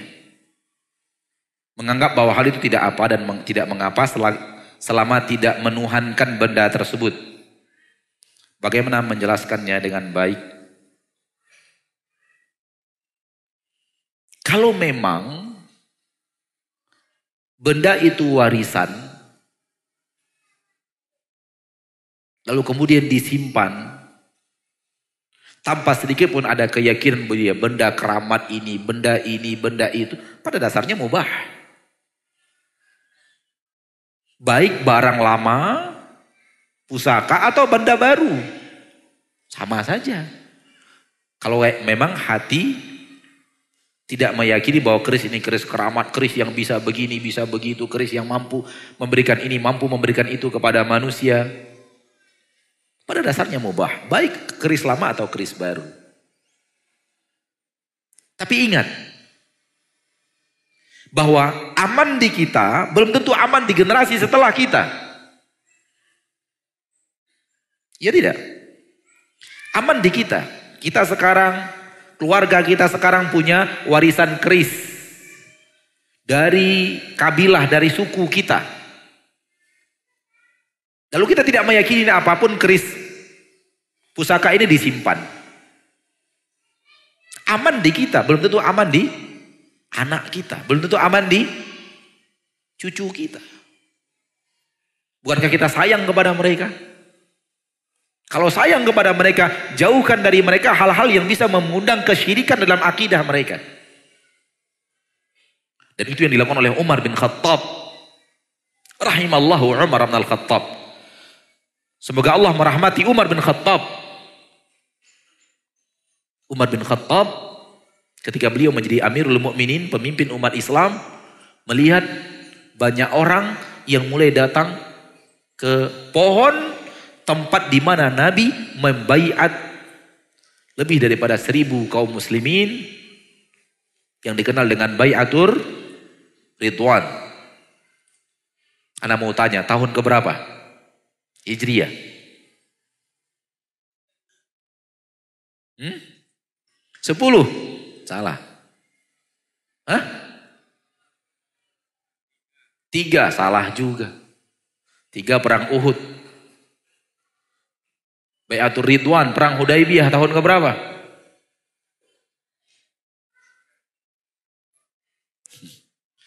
Masih banyak kita yang belum. Tahun ke-6 Hijriah. Ketika Nabi ingin ber, berhaji, lalu ditahan oleh orang Quraisy dan terjadi suasana seolah-olah akan terjadi perang. Nabi Muhammad mengambil sumpah setia. Seluruh yang hadir untuk berjuang membela agama Allah sampai maut. Dan seluruh yang hadir menjabat tangan Nabi Muhammad kecuali satu. Dia bersembunyi di balik unta. Dan salah satu yang tidak hadir adalah Uthman radhiyallahu anhu yang sedang pergi ke Mekah untuk berdiskusi dengan orang-orang Quraisy Nabi Muhammad mengatakan ini dari Uthman.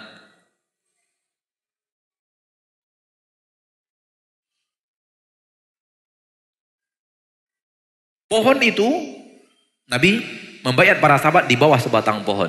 Di dalam Al-Quran surah Al-Fatih. Laqad radiyallahu anil mu'minina idh yubayi'unaka tahta syajarah.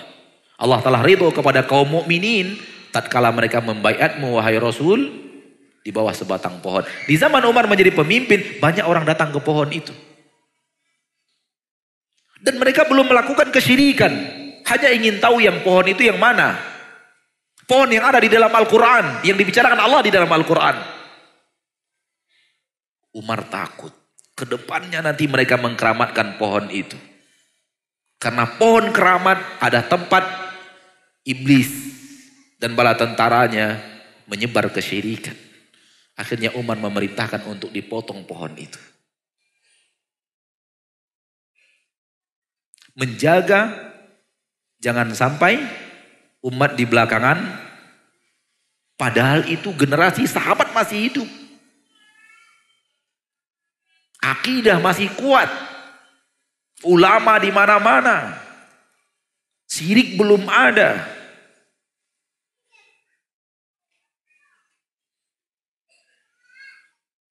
Umar mengkhawatirkan kesyirikan datang. Dipotong oleh Umar pohon tersebut.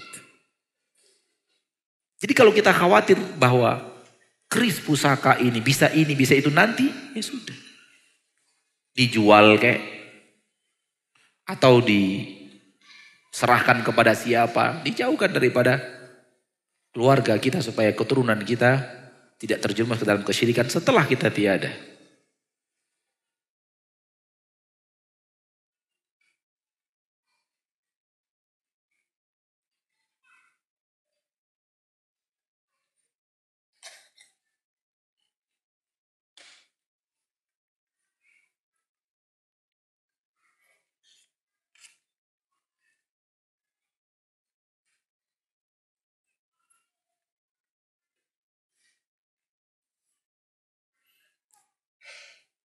Saya minta saran kepada Ustadz. Saya ingin melanjutkan sekolah ke salah satu universitas Islam di Indonesia. Tetapi saya pernah mendengar dan membaca bahwa di dalam universitas tersebut mereka mengarahkan para mahasiswa untuk tidak percaya terhadap takdir.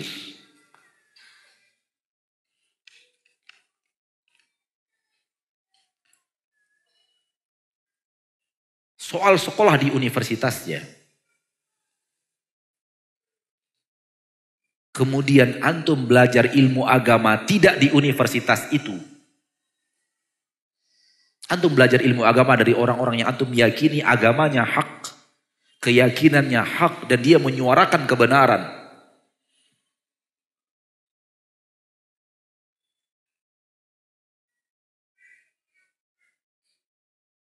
Tentu buat antum akan terjaga. Tapi yang lebih baik Jangan mencampakkan diri ke dalam hal yang mungkin membuat kita terpengaruh ke dalam hal yang batil. Kita sudah tahu di depan ada kebatilan. Walaupun kita udah ngaji dan semacamnya dan kemudian kita tahu di dalam ada kesalahan lalu kita yakin bahwa tetap kuliah di situ kemudian kita belajar agama dari orang-orang yang telah kita yakini, keberadaan kita di tengah mereka bisa mempengaruhi keyakinan kita. Maka lebih baik cari yang lain. Selagi kita masih bisa menghindar dari hal yang mungkin bisa akan menjerumuskan kita, kenapa tidak? Toh pada akhirnya seluruh kuliah dan seluruh mata kuliah dan ijazah untuk nyari duit. Betul tidak? Pada akhirnya untuk itu. Hampir nggak ada orang mencari sekolah untuk mencari ijazah, murni ijazah. Setelah dapat ijazah dia simpan, udah saya dapat ijazah gitu. Cari duit kok. Cari uang. Ya sudah, kalau orientasinya hanya mencari uang, kenapa kita campakkan diri kita ke dalam sesuatu yang mungkin akan membuat kita jatuh terperosok ke dalam jurang kehinaan. Apalagi kehinaan itu kehinaan akhirat. Yang lebih berbahaya daripada dunia. Wallahu alam.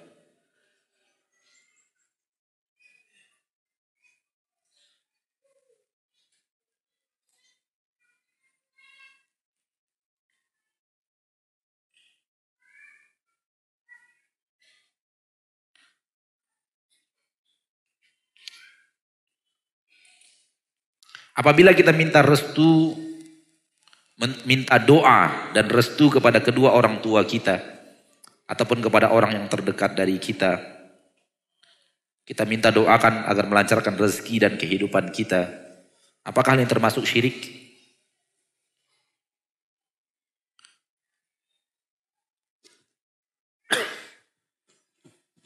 Ada tiga syarat.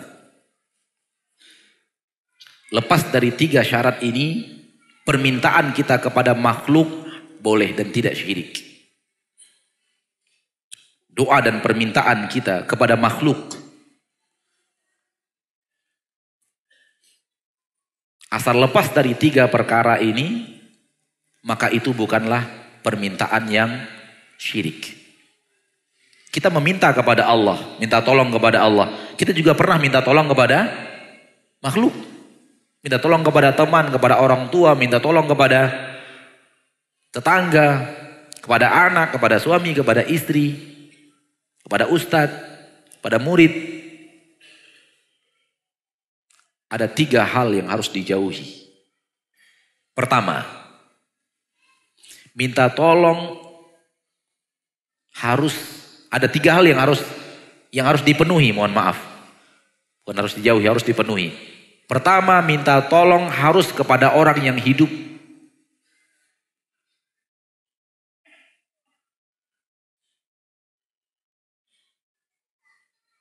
Kedua, minta tolong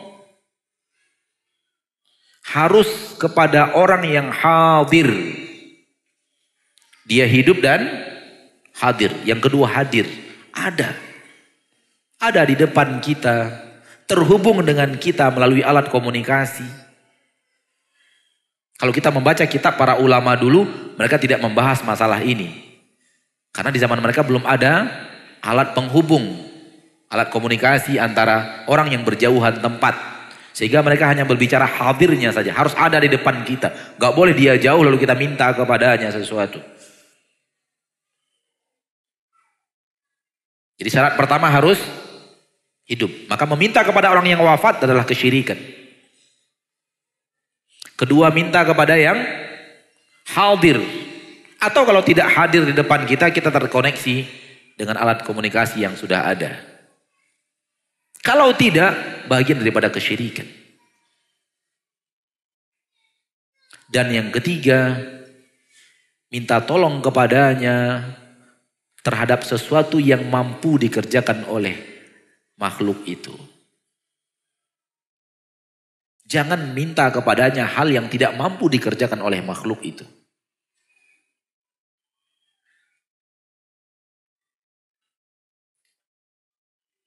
Penuhi tiga syarat ini.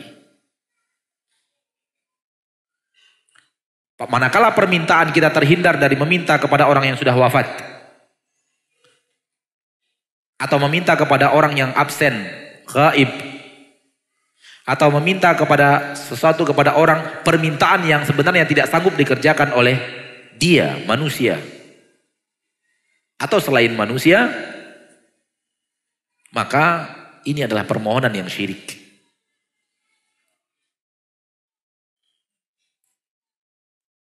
Kita minta kepada orang yang hidup. Dia masih hidup. Katakanlah namanya.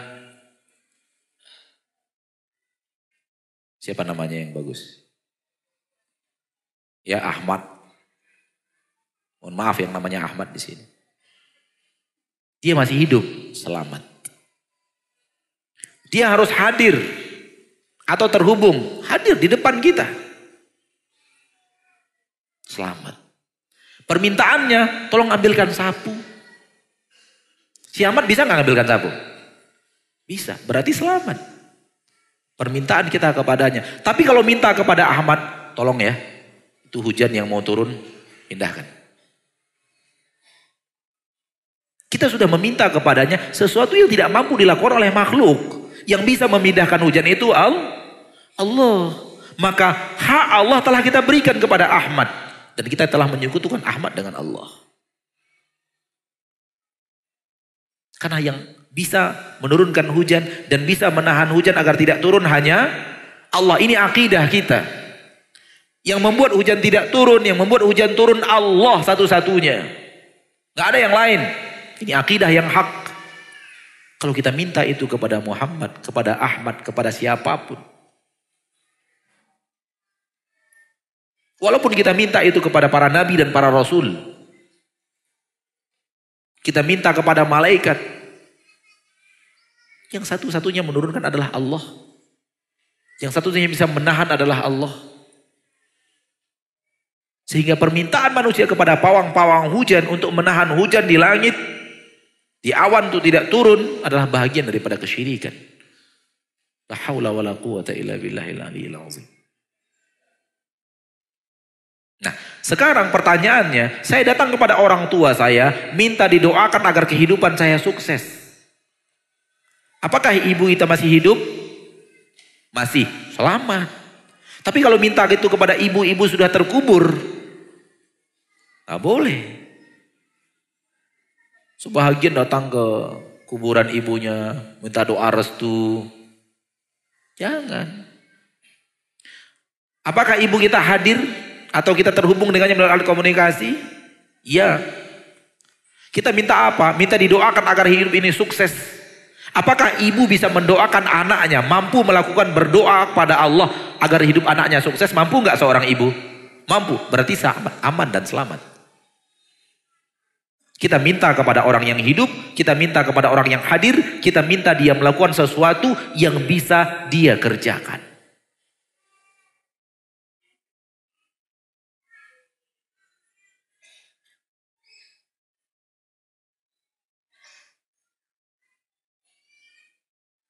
Begitu juga seorang murid datang kepada guru. Tolong doakan saya Pak Ustadz, tolong doakan saya Pak Guru. Agar nanti ketika ujian saya bisa sukses. Tidak salah.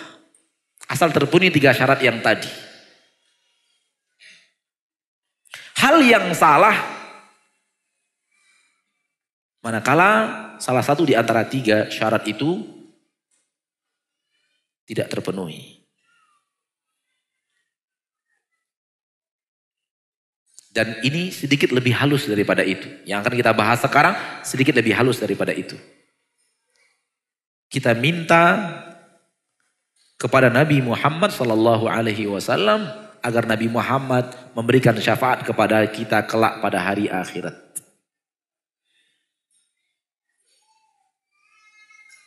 Kita minta kepada Nabi Muhammad Permintaan kita kepada Nabi Muhammad batil. Sekarang ini karena beliau sudah wafat. Beliau tidak hadir. Dan syafaat di akhirat adalah syafaat milik Allah. Syafaat milik Allah.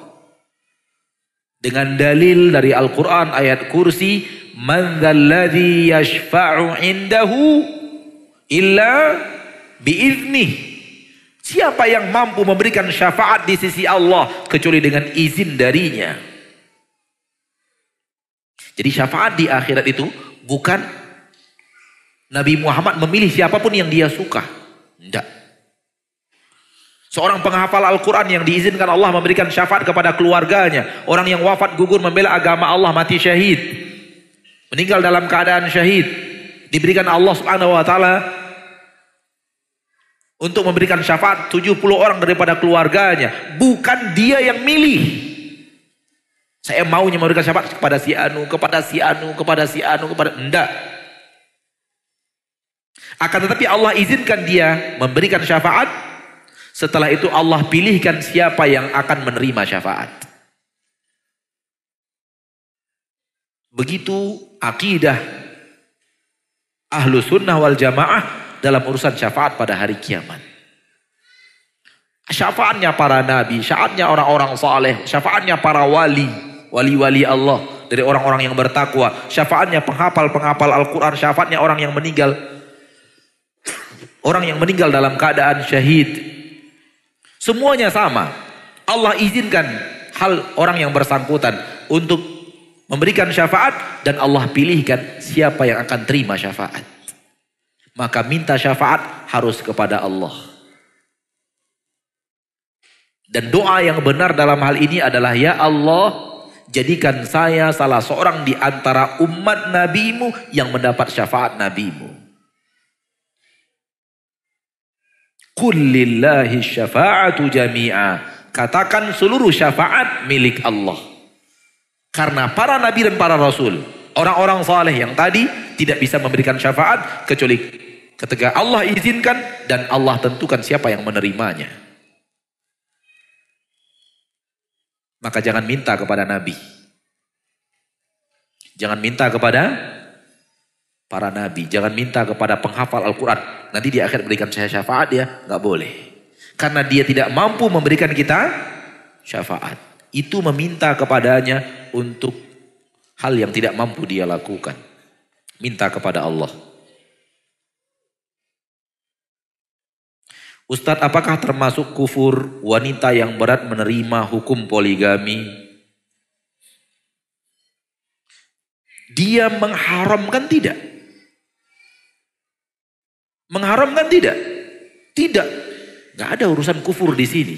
Sampai dia mengharamkan poligami.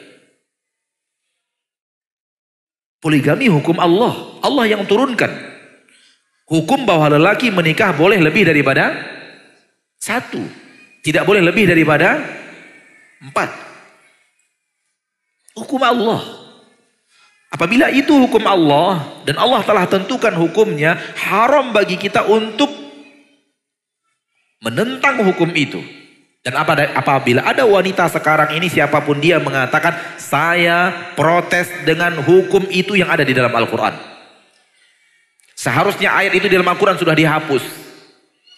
Fankihu ma tabalakum minan nisa'i masna wa thulatha wa ruba' Nikahilah wanita-wanita baik dan suci. Dua, tiga atau empat. Fa in khiftum alla ta'dilu fawahidatan aw ma malakat aymanukum. Dzalika adna alla ta'ulu. Kalau kalian takut tidak mampu berlaku adil, maka cukupkan dengan satu. Atau nikahi budak-budak. Kalau dia menerimanya, namun belum menjalankannya,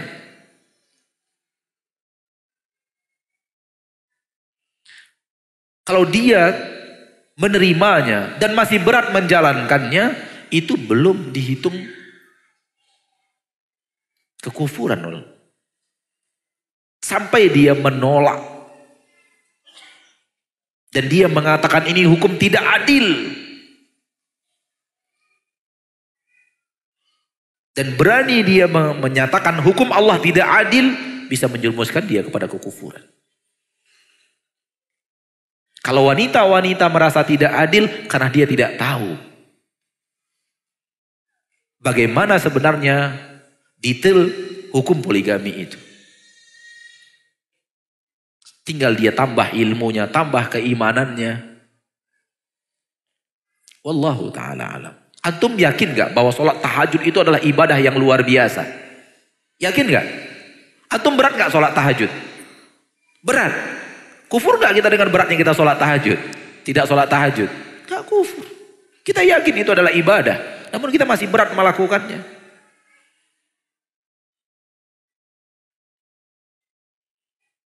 Walaupun tetap kita katakan bahwa yang terbaik adalah patuh dan taat kepada Allah.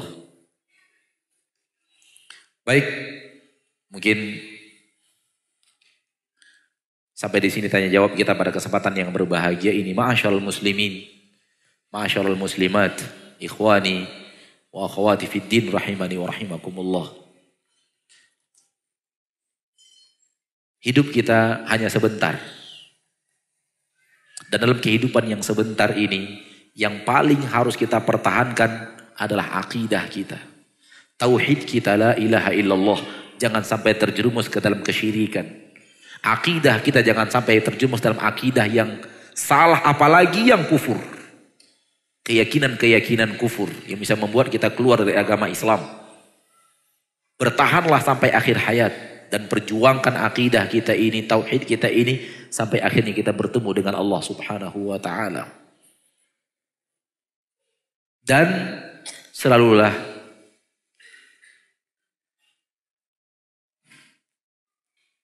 Dan selalulah kembali kepada ahli ilmu. Baik melalui rekaman-rekaman suara mereka atau melalui tulisan-tulisan mereka. Dan jangan antum itu malas dan berat membaca kitab-kitab akidah. Kitab akidah itu Allah takdirkan tidak banyak. Kalau ataupun ada kecil-kecil dan tidak berjilid. Beda dengan kitab hadis, beda dengan kitab fikih. Beda dengan kitab hadis yang bisa sampai 20-an jilid. Kitab fikih yang bisa sampai belasan jilid. Kitab akidah biasanya satu jilid, dua jilid itu sudah banyak. Karena ini akan menyamatkan akidah kita daripada kesyirikan, kekufuran dan kesalahan dalam memahami dan meyakini sesuatu. Mudah-mudahan bermanfaat wa sallallahu wasallam wa wa an'am ala abdihi wa rasulihi Muhammad. Subhanaka Allahumma wa bihamdika asyhadu an la ilaha illa anta astaghfiruka wa atubu ilaik. Walhamdulillahi rabbil alamin. Assalamualaikum warahmatullahi wabarakatuh.